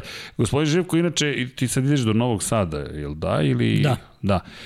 Hajde ovako, da, da se dogovorimo, ako možete ostavite komentare, da ne bismo sada gospodina Živkova Tako je. I, i, i komentare i pitanje koje ćemo da postavimo, eto, Ostavit ćemo u toj emisiji, u pa toj da. emisiji, tako, tako je. Tako je. E, ostavite, dakle, na, napravite, samo na, na, na iskomentarišite, možemo i da pinujemo komentar ukoliko neko želi da, da, da postavi pitanje gospodinu Živku. Gospodin Živko, ko ima još, ima jedna tema koju moramo da obradimo, to sam te prošli put prekinuo, izvinjujem ti se još jednom, a to je kako se pripremaš za fotografisanje. To je jedan od lepših momenta bio u prošlim i neko ste prekinuo, otišla da igraci, jedna, druga, treća, osma, peta i ne vrati smo se na to, a baš ti objašnjavao jutarnje sunce, utakmice, senke, koja je pozicija, pa bih to volao da iskoristim, a to je moja molba da. i u ime gledalaca koji su o tome pričali, a, a kada budeš došao ponovo, proći ćemo kroz taj spisak pitanja i nadam se odgovoriti sad na, na, na većinu, ne znam ja šta bih rekao mudro po tom pitanju, ali baš ima mnogo lepih stvari koje si nam ispričao i hvala ti na tome. Ništa, hvala vama i hvala još jednom gledalcima svi koji su ostali sa nama do, do ovih sati. Da. Meni nije problem da, da i dalje pričam, ali ajde da ostavimo nešto i da. Slažem se. Vidi, ovde je to, to stavno ponavljaju, ko uđe, teško izađe. ali, ali dobro, pamtimo ovde pitanja. Uh, Filipe, hvala ti, ti si još uvek na vezi, ako se ja ne varam, jel tako sa nama da, si? Pa da, Filipe tu. Super. da, i bukvalno gospodin Živkov legenda, Filip legenda u nastajanju, dosta mlađi, ali fo, mnogo toga radi. Prihvatit ću, prihvatit ću drage volje. tako da, da, i tebe očekujemo u maratonskom izdanju. Uh, ljudi, hvala vam još jednom u ime cele ekipe, pogotovo hvala Zorane tebi za, za večerašnje gostovanje. I sa moje ime, sa moje strane veliko hvala Zorane, stvarno baš je bilo veliko zadovoljstvo i bit će mi čast da ponovo delim ovo isto sa tobom i u sledećoj prilici. Da. Hvala. hvala puno. Ljudi, šta da vam kažemo, vodite računa jedni u drugima, mazite se, pazite se, kada je reč o nekim ozbiljnim stvarima, uvek isto, pomozite jedni drugima, nađite se pri ruci, automoto zajednica je naša zajednica gde god da ste, gde god da živite, šta god da radite, uvek nešto može da se uradi. U zgradi, u ulazu, kod kuće, u prolazu, budemo ljubazni jedni prema drugima, pa je dovoljno. Hvala vam još jednom. E, hvala i našem sponzoru. Philips nam je još uvek sponsor, nadamo se da će to ostati na duže. Kao što možete vidjeti, vodimo računa o svemu. One Blade u Formuli 1, naravno, i, i hvala za ove silne lajkove, 313 lajkova i tako dalje, i tako dalje, ali nije pojenta u lajkovima, to je lepo, to nam pomaže.